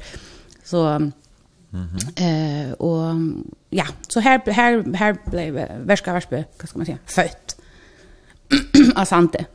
Eh och det har vi väl jag hade det varit rätt väl nåt tycker och och det är relevant vad ska man säga för öll inte nödvändigtvis bara för elever tja ja. Eh tog det snur seg i høgsætun om arbeidsliv. Mhm. Hva er enda mali vesen noen, eller noen, hva, hva kan det som, ja, som man ikke har fram og undan. Eh, jag har det lätt till gonchili vitan. Eh och ofta har jag en podcast så vart det snacka om de viktiga tingene som är viktiga för vi og ofta ikkje til at man skal lesa nok for eller sette seg noe og finna ting eller du vet det. Ehm um, og det er jo eller oppi tøyne det er anna kvar anna kvar fyrtøkka og privatpersoner i podcast nu. Eh och jag hade det så deiligt att man alltså inte själv kan administrera kan man välja lust efter och man kan lust att ta man vill och så. Ehm um, och så är enda målet att ankor för att tidigt upp är som folk häva av arbeidsplassen. Ja. Generelt. Hva er evne er det vi kjørt uh, her til? Ja, uh, strongt. Ja. Så at han første tror at det er helt i venn også relevant. Det, så, det, det er sånn noe som få strongt. Mm -hmm. Og det er jo for ødel, altså om, om du bør ikke være limer for arbeidsfeller for ja. For jeg får strongt. Ja, eller for jeg skal være relevant da. Ja. Nei, nemlig. Strongt, ja. og diskriminerar ikke. Nei. Ehm Och så tar då sig Niklas Herra Jakobsson som är strångt där rådgivare. Mm, ja, han ja. helt långt till fyra han är ju själv mm. upplevt det, egen kroppen. Ja, akkurat. Så tar var ju två som hade upplevt det, och tar ju halt jag snett att det, det kan ge något som, som man kanske inte får hvis det är... Um, alltså det är vara podcastvärster, ta så vara en person helt än en, en värster, alltså. Och så ja. Mm. Eh och så har jag tagit vi folk som här var alltså tojna 18 år sjuka eisne. För jag uppgångar kan stinka sig upp här till dem så jag finner ett starv. Jag visst du Jeg visst du hever uh, haft strongt, jeg finnes starv atter, og forstått har rått, og så har jeg snart også, jeg går vi Ingeborg Vinter, eh, 1. mai, tog jeg tar vart der 40 år siden, og jeg finner lykka løn og så rått, og hon er jo frirande forskvinner for Ebrefella, og, og så tek man inte såna vänner som är är inte relevant och eller aktuell och så så som arbetstrikt och vinnersjukor och mm -hmm. eh forskjellig sort. Ja. Eh nu är jag akkurat uh, inne i Spotify att helt när prövar jag för in och så leta efter värska varten och här sucht är här är tjej en pasta jag hade här till. Den första kom i mars i fjör. Ja. Mm -hmm. Så till minnen att år så igen. Mm Så det var veldig omlai nästan en nutje potter om om mannen. Ett här liksom inn til at de røyna? Ja, han runt ju men det nästan blev till en annan kvän. Ja. Ja. Och ja, men det näck at han er nok så länge alltså det är fjärde halv trus minutter, och så anker er en som är stittre arbeid arbete to, som är en kamning som som blev Richard i ja. denne här podden men mm. och så han Jola hälsan kanskje eisen som er sånn stittare men Ja. Men er det näkt til för etter? Ja, alltså jag vill se att uh, hade är nog en um, en kälta som nog inte kan tömmas du kan alltid finna vinklar och mm. att kalla alla vuxna föringar är ju i arbete och att låta vara kanske alltså du kan alltid finna akkurst av vidgera Ja. Eh men jag att för att göra kanske onkra funka så så folk eisen kunna senda eh insure in om då att jag alltid hett det eller viktigt eller då att det är väl fint. Ja, du hur du finner goda automatiskt på. Ja, ja. Mhm. Mhm. Ja, det är snärt att introen också stort i jinglan. Ja. Jag kan huska mig vid lika prova spelarna. Det är en dansker uh, rappar eller sanger som som uh, som rappar arbeid arbeid. Kom yeah. nu alle sammen. Arbeid yeah. arbeid arbeid. Ja. Yeah. Til Øskust Hustlers som er igjen. Og hette her er så en som er Rasmus Bjerg, som, som synker hesa versjonen. Ja, altså for jeg prøver, har jeg lukket et bråte av en potte, og jeg halte, skal vi ikke prøve å lusta etter et byrjan av en sånn strongt av arbeidsplassen, som heter han første? Jo. Det var han som Niklas Herri, han var gestor av. Arbejd, arbejd. Ja, det bliver. Arbejd, arbeid. Kom så. Arbejd, arbejd. Kom nu i gang. Arbeid, arbeid. Og er meira til arbeids enn og er skjema vi familjene. Og sli heva det godt. Arbeid, arbeid. Ta storte tøyina jeg verja arbeidsmarsna enn, har vi gjørs med nekkar holengar om hva ta goa arbeidsløyve innebyr. Hetta fer jeg vi her som potten og kanna. Tullorst etter verskavarspunom, pottvarspunom, pottvarspunom, pottvarspunom, pottvarspunom, pottvarspunom, pottvarspunom, pottvarspunom, og pottvarspunom, pottvarspunom, Arbejder halvtid, heltid, fuldtid, deltid, overtid. Ja, velkommen öll til den første parsten av Verskavarspunnen. Jeg får jo holdt igjen da podden til jeg har som nevnt i introparsten eh, hun lagt rett igjen opp om hva arbeidsgivene vår er for nøyga. Og hvordan dere kommer til at dere kunne si at dere trivast til arbeids. Men det blir til å trivast om arbeidsomkvarver ikke rykker som det skal. Tøy med det at vi har nøyot er viktig at de mest vanlige tropleikene føringer møter som får for det gode arbeidslivet. Og for at du legger ut ved noen evne som reker at kalla annan kvann arbeidende føring, nemlig strongt arbeidsplassen. Et la strongt som heilt, tog som det viser seg, er strongt all oftast samansett av imiskunne arbeidene og heima vi hus. Det sier i ødelføren Niklas Herre Jakobsson, som daglig hjelper fyrtøkken og ansteglingon å få et sunt arbeidsomkvarve. Jeg har bjøret Niklas Herre og i åkra potvarstudie her og i førje arbeiderfella at som Strøm. Arbeid, arbeid, kom nu! Arbeid, arbeid, alle sammen! Arbeid, arbeid! Niklas Herre Jakobsson, velkommen. Ja, takk for det. Eh, du kom ner där att uh, vi Ja, hade varit så början till den uh, första podden till Värskavarpen. Ja. Som är, är poddvarp på Chaffari Arbetarfälla och som man vill uh, lusta mer efter honom och är sin öronpörston. person så kan man antingen färra av Spotify, mm -hmm. Apple Music kanske eisne. Ja, Apple Podcast och så ja. och så har vi eisne en OJPs en hostare som heter Boss Sprout. Så hvis man får ja. Facebook av Verska Varspe så finner du allt her. Nej, men så är luncher här till och ja. ut. Ja. Verska Varspe kan man liksom bara googla så så finner man det eisne. Ja, ja. och det verkar som att det ligger sin till högra benen så där att att göra så som det är. Ja. Jeg var her, jeg är her komna her, når var halsan her, ehm en skriver nemlig her, om man bare kunne leve av at være selskapet og i prater vi Elise, så var livet helt festligt. No. Takk for nek var går, snakkeløter i Bokasan og Kvalvik. Køyra raska og Donali Elisa, heimeren er festligere og litfagrer vi til her. Det her vi har prata og Så det har haft några som fällde där lätt ja, ja. och, det tar man väl. Ja, absolut. ja, men uh, du hever ånder av hva mal eisne, og alle er kanskje ikke lykka kjempelig, hos kjemp underhalt er eit av dem store AHA mal eisne. Stand-up comedy har du gjørst uh, innan, du har vært virsten innanfyrt her, nå eisne, ja. seneste. Ja det senast, ja, hva, tre år? Ja, jeg har min debut i Nøyjan. Så det tar meg fra å være tre år nå, 8. mars. Hver kom det husgåttet fra, om at du skulle fære at, at stilla deg opp og, og kjempe av hadle? Eh, så jeg har nok alltid haft det, og haft et innsjøm det.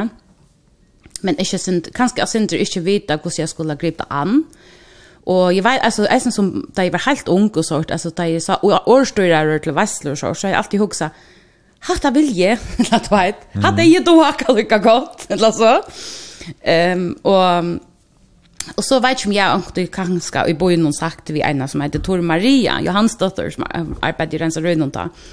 Eh, at, at jag vill jag vill komkare, låt veta. og hon skulle så till samskipa 8 mars i Perlene, her i Havn. Eh, och så säger hon sporde mig, Elisa helst du ska få ha stand upp nu 8 mars. Och så tänkte jag bara, jo, det halt det. Och det var en så bräkande succé och det var eh, helt fantastiskt stort låt och och det måtte kan vara helt fantastiska goals och ta fick jag ordla blå på den. Ja. Kvar jag undrar vilket jag ta? Så jag kan Ja. det är det inte jag kan ganga för min mitt underhåll att att jag skämte vi vi mm, stereotypen av mannen, særlig førska, traditionella førska mannen. Eh, så det var nok så, du vet. Og så har vi gjort omkring sånne sketcher her, jeg har vi så filter, og Snapchat-filter her, så just med meg hvor vi i kjekk, og her man folk har dødt, og du vet, det er som en, en brukt bilaselgjere, og, og en fotbollskommentator, sort. Um, ja, jeg halte det er nok så nok, jøkkengangende til. Ja det här och det är spärr kvinnor den alltså det är som helt alltså. som helt ja. Mm. Och jag hade nämligen eh frukta jag inte skulle för här var hetta show eller här var mycket underhåll för mannen då jag också om det kanske helt det var nigerande eller så men men jag måste säga att det hur vi också jag väl mot inte. Och eller ofta flände man eh eisen tar man för sig raktan då jag vet det är it's funny because it's true and correct now. Ja. Eh så ja, det hur Ja. Så ser strushmalen i chat där som är jaunstøv feminisma og eisen fat-shaming. Det er nega som du brukar i tunne kjemte, altså... Ja, det er litt visst. kjemte, du brukar kjemte som en måte at, at utbreia en eller annan båskap. Mm, nei, det gjør jeg ikke. Jeg kunne huske meg faktisk for jeg holdt ved One Woman Show. Eh här är sen synes du att läsa här. i her. Hva skal man säga? Eh, vi går så en politisk korrekt um, termanar og onkurs vegna for kort humor nøyta de halde ulla ting bliva ofta fordøyelig vi humor. Um, men jo jo altså jeg brukte det ved fat shaming altså jeg gjør ulla grin med min sjolvon og min min er ekstremt oproportionell ahwa og is der og og og men men som jeg sier vi onkran så halde jeg at det er mm, att att det är att det bäst bara att stilla sig gasa i nackna som en kvinna och en paddel och och och totalt dua på att publikum godtäckte och flinnora. Eh det halt det är det kräver näka. Mm -hmm. Ja, ja, jag halt det här en också så liggande tanke faktiskt att sätta sig upp här och och skulle vara stort på kommando. Ja. Yeah. Mhm. Mm Eh och jag är absolut ikke klar det. Man ska nog vara en en avvis typa för ja. Kunne det. Ja. Eh och som är klara att ordla väl skalt om reaktioner inte är goda alltså te huxar bara att vet att nu är det här if I pengar för att eller whatever. Men men jag mer ett absolut berande till att publikum vi och och att de reagerar. Eh eller visa om känna att de halta att de njödda det här eller. Ja. Ja, men uh, ja, det är så imest. Alltså uh, som ett doa, bara alltid har alltid ena goa viktighet att fortälja ena ena klara och konstant och fortälja flere. Ja. Men vidare ånder som alltså det är höjande viktighet så flänje och halvan timme man sagt så har jag glömt den. Jag minns på en men jag, jag klarar inte att fortälja den om efter. Nej. Uh, jag vet inte det är ett land att lagra inte på, på Nej, nämligen. Men det är ju sånt, det är en form för comedy. Eh jag jag vill inte säga att jag stannar och fortäljer vittigheter. Jag mer det mer observationer och jag härmer sånt och och fortäller från stöven alltså situationen som jag är utför det. Det är ju inte lika nämnt att glömma att du minns dig då var i Tenerife och eller tvåda. Ja, men ja.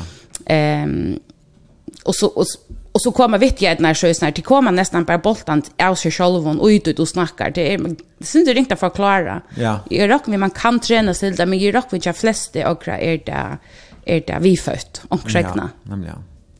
Men hade det här som som nettopp som eh som jag känner bättre till att här man om tar så samman man så kommer en stort liten tanke knappt ja och så yeah. smäcker man han ut och så yeah. där alltså det är inte så planlagt. Nej, nämligen. Men då du ska ha ett så här en framförsle, så måste ju planlägga när väl åren ja. och kanske avprövarna på Grand Ice och vita alltså är det stort lite uh... ja.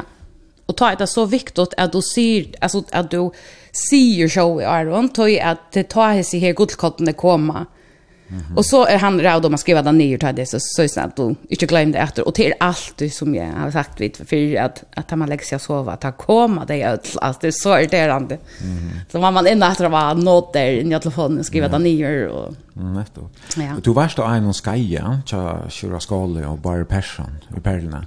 Ja. Vet jag Arlen. Ja. Ja. Vet jag Arlen första framförslan att jag där eller vart att. Nej, nej. Att det kom det kom sajtna. Ja ja, jag har ju just några framförslor där. Ehm Men landa ena tja fellowship i 2019 som kanske inte etnæs, yeah. så er jeg vel. At du har først haft det, så succé i perlene, ja. og så... Man var långt att fattla, vill jag säga. ja. Eh. Uh, det var det langste 15 minuttene ja. den löve. Ja, det var det. Uh, Sean, de lärde man lærer reisen av backas någon men mm. ja, Att uh, ja, nej, det var, jeg la i faste stilling, og, og, en av vik at han har, og jeg får ikke paddelatter og, og i nästan ett år. Ok. Var det tatt för att av skai, eller Nej, nej, nej, nej. nei. Du var jo nu är den, eller gang? Jeg har haft offer framførsler Arn at det skai, ja. Men vad är det att du att at tog en framförsel av innehald ikke passar i ordla vi mottagaren altså klientelle, eller hva? Ja, alltså jag plejer säga ge docka, ja. Ja. jag har alltid faktiskt jag var fin. Jag var så här video och åt vita och Men det är ju hur bara att renna av sen henne. Ehm Var det på en man folk på i laga? Kanske.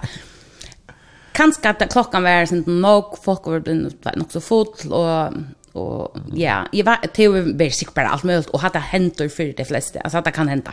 Ja. Eh men det var ganska bara wrong timing och allt möjligt och eh men onkel så sagt vi mig alltså yes hade skett latre och vet men vet 600 folk nere i packhus nu när det vet det är så långt ja. att, att man hör ju helt inte upp att ha pallon eller så eh ja. Men du lärde du lärde också av det ja alltså särskilt om mig själv att jag är så äldre nu att jag inte rann av scenen. alltså onkel räknade du vet att man att inte fortälja vitt jag inte för det ja. Ja. Alltså jag också att det är ävnen du du Kjemtar vi, er det for at din egna løyve du vart utblåster, eller vi egla i andra. Ja, nei, min egna. Um, som sagt, så det er øyla nok, altså nok øyla nok så selv ironi, og, og så er det mono, men jeg tar ikke omgang til personer som så, at det tar damer meg ikke, altså jeg kjemtar vi bestemt om personen. Nei. Nei, hva er annars, er det noe mørk, altså er det som er evne som man absolutt ikke kjemtar vi? Å, god. Det er ganska nok så nekk. Eh jag kan se för mig att jag är vill inte vara till dömos eh jag vill inte göra rasistiska jokes eller eller våldtäkts jokes och såna nyr nygerande. Ehm men självande det är upp till kvar enstakan men det är bara viktigt att alltid man ständer till svars för det som man mhm som man skämtar om. Ja. Och to Røyne sjån det, og har seg en ment hun egna stål, det er ganske en område at man um man lukkar som finner sin egna stil i mån til ærer, så stand-up. Ja. Ja. Jeg halte bare at jeg er faktisk bare jeg, og svegna. Alltså jag har nog så lika ut visst skulle förstalt fortalt dessa söner nu för det eller att veta. Ja. Ehm men det tror mer halt jag är alltså det som jag får mest feedback på är kroppsmål och vet. Eh ta i samman ber fotla föringar vi det är ni andetalar och låtsas när vet och så vet jag ja jag vet inte eh så akkurat det vi kroppsmål så har alltid en också berande för mycket mhm. Ja. Du har haft det som det gera nu i december månad jolla bor allt ja ja öland och om ben ja. Är det annars flera tilltag av skromningar nästan Ja, ja. Och nu begynner det att nu nu är corona ju avlyst. Ja. Så nu kommer forskjellige alltså jola frukostar som var avlystar och i alfontor og sånt. Och så er det åter nu 8 mars. Eh ta ska jag underhålla här i Mentanrosen och så i bussen någon som demokratia eh boilegger a køyra norra bein her skal her skal jeg sin underhalda det har vi gjort i tvei år til a kvinnen den om yes mm -hmm. Vi drar ta vi um, vi lukka hittist og, og prata oss om sendingen der. Ta kanst du av Kamstelle her du har haft en, en fyrlester. Det er eisen nega som du, som du fast vi. Ja. Kanst du fortelle oss fra hva det var? Ja, eh, det var två lärare av Kamstelle som spurte om vi kunne her va. Upplägg om om det här vi, vi anti-fatshaming. Um, Och det var innanför mentan, alltså en fag som heter mentan är färdan alltid, och så löjfröje. Och han ena säger att hon, henne domte inte så väl att undervisa om BMI och så som ständer i löjfröje fagböken hon. Eh, tog att det kan vara, eh, vad ska man säga, det kan vara filter, eller tog man vet nu att det kanske är sender så i vi satt om ett BMI och allt det. Och så det var ordentligt glädje låta och tar i fejon. Eh, Och det snurrar ju om om att som Lucas som att greja fråg för att fatsharing är by som innan det privat eller så men eisen systemisk i samfunnet. og, og, og faktisk er det handlar det faktisk mer om frigjering av kyrkan. Ja. Ja. Jag ser i skrift i halta väl kvinna här stund stunder att Elisa vill bröta i av av kyrkan Ja. Så det är det är um, som, som du røyner vi her. Ja. Hvordan blir jag allt det här? Ja, hon så där är färdig gongt vi vi vi er utbreia noen her vitanna og, og forhalda fyrlestrar og kvart og sunn. Ja, eh, jag har omgant å kunne foreint mig vi fætene folk har haft av tjukken, tog jeg det har vi ikke kunna identifiera mig själva vi, vi tar, ta stereotyperna. Mm fra Krøkna, hvis det er ju mening, jag vet inte. Um, och så, och så var det en blandning av imenskon yoga, uh, heter här vi at, okej min kropp kan ödla stinchne, och mm. eh uh, och så faktiskt Instagram. ja. Eh, det var faktiskt, det var att Jana som är visste mer ena en tjocka eh, som var yogalärare jag har och, och, och jag var bara så fascinerad av henne. Eh, Og så begynte jeg å minne min mening for meg at uh, at tjukk skulle gøymast i samfunnet om noen skjegna. Altså tveita. Um, ja, at det er liksom gøymast i kjolve, eller hva?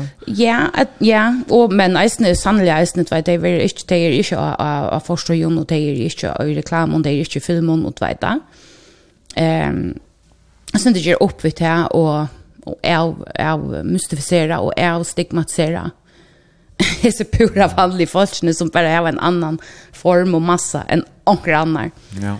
Ehm ja. Det är inte det och så som som som du vet eller som du kanske vet så är ju nog så aktiv och social och melon och, och det ska ofta stort för tankar till handling. Eh, chamer så eh så jag här var inte brott ju som vi är ner vi vi vi är brodda. Eh Eller sitta år då. Och det är så det är så augustlåt det är nog skomtänkt att jag check. Eh så Ja. ja. Og mest du at det er tørver og at onker kommer ut og forteller om, forteller seg her tingene som du sier nå, altså, de har stått ikke før til, til kampstall og tåser for ungdomfolk, altså, er det, ja er det tørver av at onker forteller det for dem. For meg virker det som de unge kan skal hava en annan, en annan hokkbord til, til å si her tingene enn kanskje okker atterlig. Helt sikkert, ja. Som er eldre.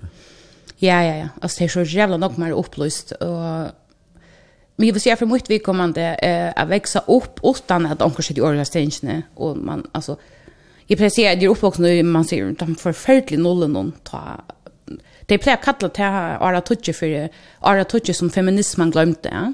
är absolut en feministiskt issue. Uh, men heter här alltså det tar Britney och Paris Hilton och allt det her, som hvordan det var det drittnar dögn och söle och tvär. Hej onkel apelsin hu og, og alltså det var bara en så förfärlig tog Jag växte upp alltså så rent så kroppsfettarna mest ja. Eh och ta hej ge öjla gärna vilja haft att att onkel tjukk firmynd snakka i och sett i årets tingene och um, men alltså ta och gröda en fyrläster um, ta sig undervisar om okej, okay, jag ska bara få det så också inte fat shame. Eller nej alltså folk man är så vän vid det eh och man helt att vi såg bara bli skamma det vet så blir det klön och sån och vet og man never ger sig eller någon nye støver om helsestøvene til kjøkken, altså det er selv om det är jo absolutt ikke er nødvendigvis sammenhanger mellom kroppsmassa og så, du vet, at man skikkelig gjør tjukk folk og alt det der. Man må gjøre opp, vet du. Ja, Alltså Jam, är det, är det veldig så att att det har vært just missmoner eller moner av folk i helseversen og til dem som det vi har för en hekve Et leist seg og eisne, man har hørt nok til at tridjingafellet hit, tridjingafellet hit etter BMI, Mhm. Så fast falt sig. Är det väl så eller är det är det bara server? Eh, det är så. Alltså, i tror att så folk likvar för mig. Det gick just det gör det. Okej. Alltså, jag känner personliga personliga en håndfull, som man säger. Eh, av folk som är blir någon uh, diskriminerade i i i i innan jag lagt och hälsoversionen. Och Eh, och så får jag och en som heter Marion eh, av Fredriksmörsk Berbsa i Holt. Jag kan det era Instagram. Mm -hmm. Det som har lyckats vid fyra varje, det är en Instagram-kanning. Mm -hmm. Men eh, här och har jag folk om att skriva till åkon visst det vi ut för det. Det är snir. Missmåne och i. Här svärs någon eller kärlekna. Och i har alltid dock finns 25 server, as personliga server. Mm Och så har jag gått nu vi ute i sport och så när kom där flyger ett så jag hade att gräva in i fjärde folk och vet. Och tar man man nästan också man heter det ringt sitt år då. Det är snacks kom tänkt att då och det är sorst. Mm. Att ju rockna till är ganska större. Men 45 är så 45 för nog. Eh det kan kan dräpa folk. Eh och heter är heter inte testspel jag så över något att det är folk vi krabba mine som är blivit ignorerade och Och onkel en hejer bröd i ökelon han fick jag veta jam du ska tappa det. Och som om klön folk inte kunde bröd i ökelon eller du vet.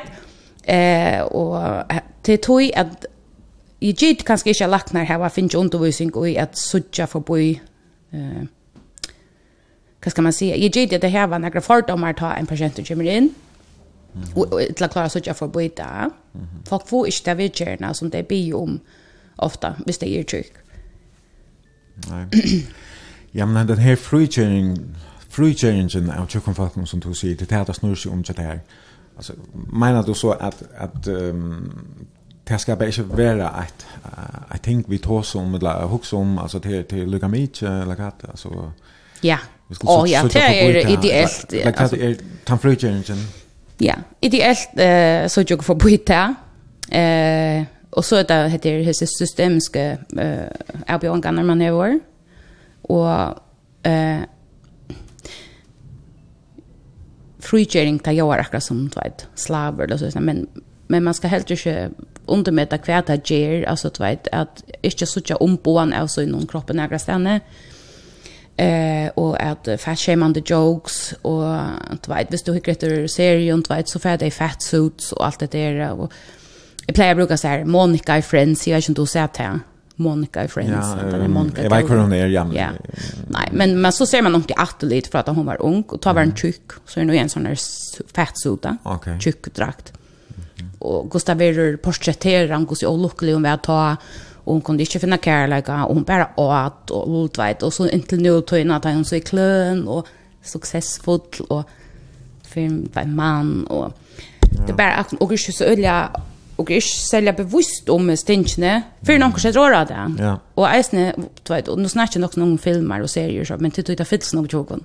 Ja. Ehm att du inte ser en hövsperson som är tjockare, nägran du, som är normal, alltså bara pura vanliga hövspersoner. Ja? Alltså det är Anton Wemmeli, la Dovon, ett la Önd, ett la Stottli, alltså det är omgant du en neutral bara. Nej, nämligen. Eh, Så det är att det är alla stan. Ja. Och det har avskär och någon under till halta att uh, Ja, hvis man är överviktig så så så är man till döms olycklig och allt det här och ja. och det här tog rörande betalja att, att ja, du kvar så massa energi och Just allt med himmel ju. Ja, men vi ser inte ett här så det är okej. Så er folk alluga och skulle banda sig utan för den då.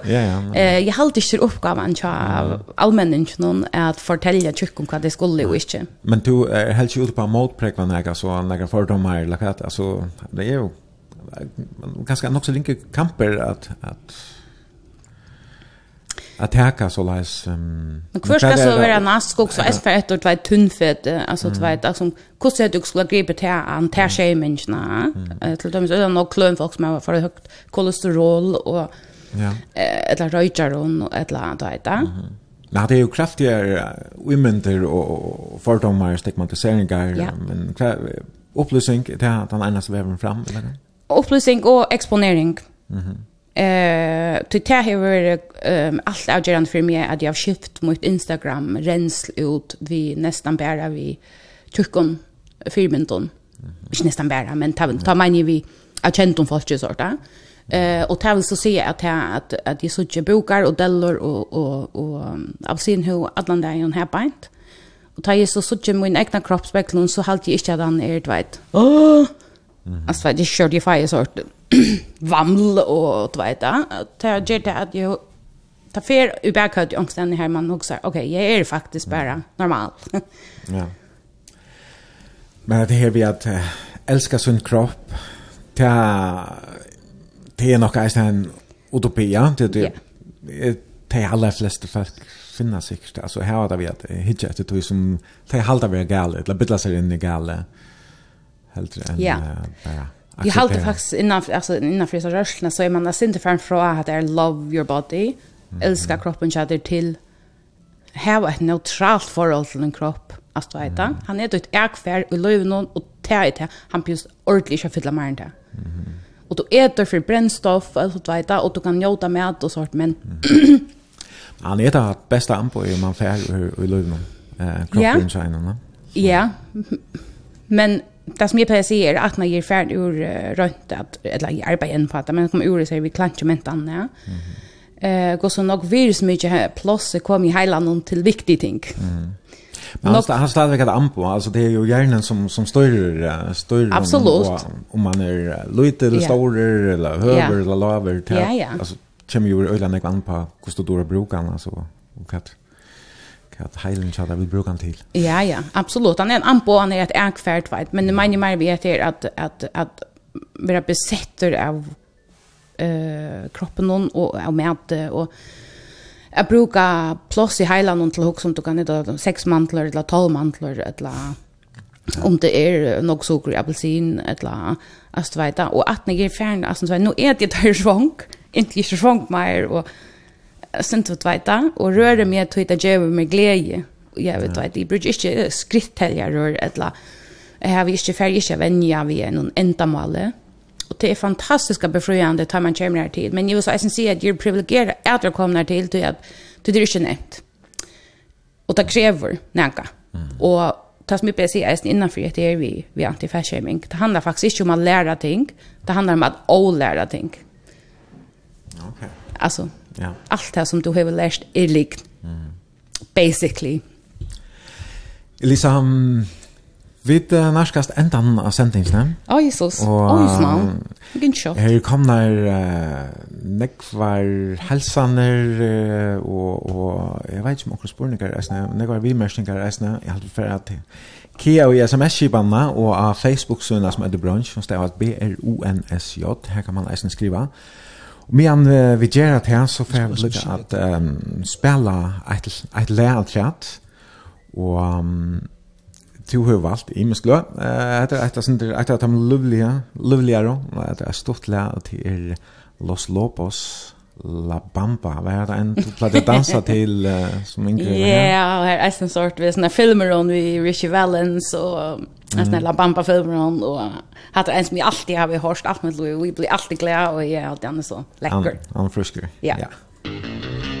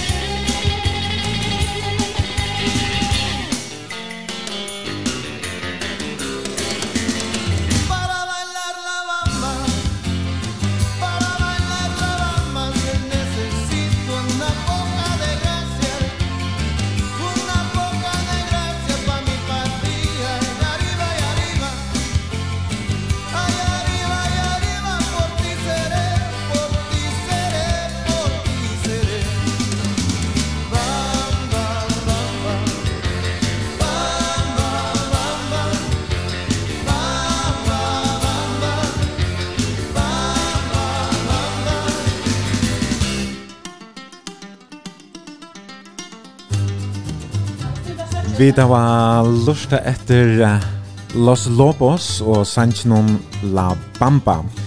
Det er Lisa Bank som er gestor i Brunch Morgon. Vi senda beinleis i Fotala, og her er fullt hus av Bøtnon og manne og kjetta ganger her med eisen i ångstene. Deilig råk alle som det skal være, så har vi haft et ordentlig lekkert morgenbord reisende her i breie fra breivisjonen, vinabreie og kaffe og juice og et eller annet møvlig og. Og her kom der nekvar helsaner av 24.00 og av Facebook-synet til bransj.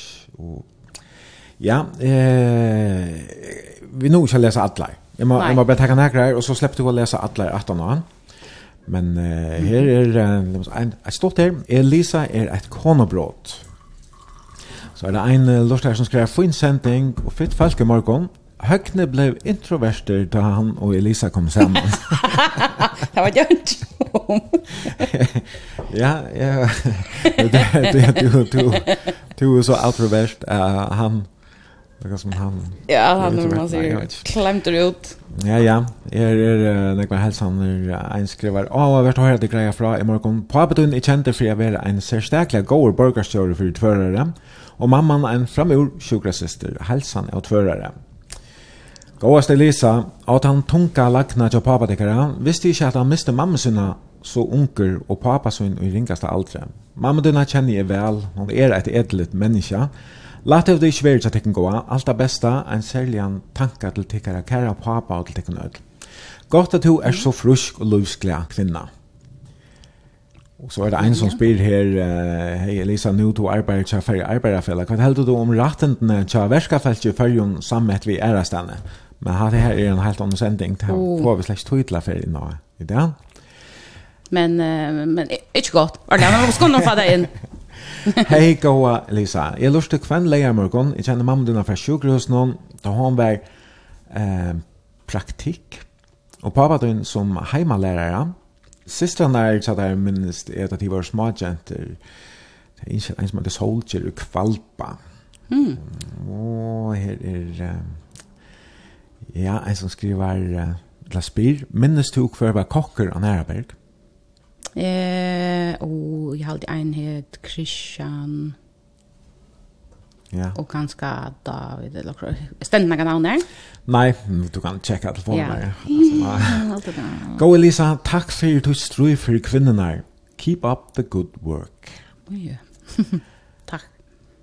Elisa, du er en uh, inspirasjon med hun smittande latre, gløgga høtti og latta linte. Elsa lust etter det her og fylsa det her sosialen milon. Keep it up, skriver en lust her. Og så er det en som skriver, stått til du hovedkjende prat, takk for det. Eisne for jola kjempte som bær i vaje. Jeg har bjørende og nyskapende, ikke minst for det kinsbundna. Takk for det, eisne. En lærare og tvørare skriver, jeg minnes Elise som fittan, frialian og donaliga nämning. Hej Anna Berg, ett år, hälsan en gammal lärare att vara det. Frilian? Ja. Okej. Vi kan nu. Ein uh, skriver her, ein hälsan til Elise som absolutt gjør det HF-tøyene og vikeskiftene til tøyene mer elitryk. Jeg minnes det at Elisa får til Jekkaverst audition da vi gikk i HF. Ja, det passar. Det er alt hun glemt å fortalt. Alt er best av tøyne, og tøyne fremme i verden. Um, Ja, hvor vi har vi chat det her. Så Ja, jeg fikk det ikke. Ja. Tema ja, tema tema det alltid tag alla som å enda skoa. Ja, det hållt det. Jeg var bara nöjd så ganske tog. Okej. Ja, ja, men her er Nek var halsan her treat, stått til å høre Elise i bransje morgen, Nek gav minner fra ungdoms og Arnon, og FAS og HF, og fra Gøte. Elisa er et fantastisk menneske, halsan en vinkona. Ja. Og så er det sistan tja der, eisne som uh, sender helsaner. Uh, vi halte at okkar fantastiska luttla syster Elisa er kommet vel undan oppe allingsene og i einon ma matrikate av sevmure. Ja. Matriarkat, ja. Av sevmure. Fem kvinner i husjonen. Mamma har vist veien at alt er møvlet, bare viljen er her. Ja. Og hun får egna leier og flytte mørsk, og vi er mega stolte av henne. Må vi råkne vi. Ja. Åh. Ja, Eh, senast det her, um, jeg kom at kjenne Elisa i badnagaren vi Krajer. Mm -hmm. Var det henne? Ja, i Kvalvik, ja. Vi jar upplevde døtter okkar kare henne till en timme av kamstelle og det här gav stoff til ettertanka en gåret for feltje, skriver en lustärje. Ja, her er det... Her här kommer flere teats, men uh, vi, ja. vi får simpelthen inte stund til at til å lese der atler. alla stort. Ja, du ska läsa det alla såna. Eh så jag tackar dig för att att du Det var just i brunch i morgen, och vi får ända med en Sanchez som du valgte eisne. Vi har alltid, här är nog uh, en absolut intressant Proud Mary vi uh, ja. Tina Turner. Ja. För jag skal takke til kon som har lusta och sent vi märkingar, hälsaner och spurningar som är vannet. Ja, det var alltså brunch, hesa fer, just det var Elisa Vank, en annen fyr. Tusen takk for det. Sjølver takk. Lekra morgen med alle Jeg heter Efen Jensen og bare er etter vi bransj, og nå gjeste kommande leier der klokkan 5 minutter i Vitutja. Takk til som lortsteg, og godt vikeskifte. You know, every now and then, I think you might like to hear something from us. Nice and easy. There's just one thing. You see, we never, ever do nothing. Working for the man nice. every night and Easy. day. We always but do it. I never lost nice. one minute of rough. sleep. And I will but we're going to take the beginning of this song the thing and do it been. easy. Big wheel keep but then we're going to do the finish. Turning. Rough. Proud Mary, it's the way we keep do. on burning. Proud Mary. And we're rolling. Ooh.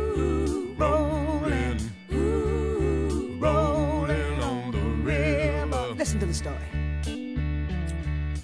Left a good job Down in the city Working for the man every night and day. And I never lost one minute of sleep. And I was worried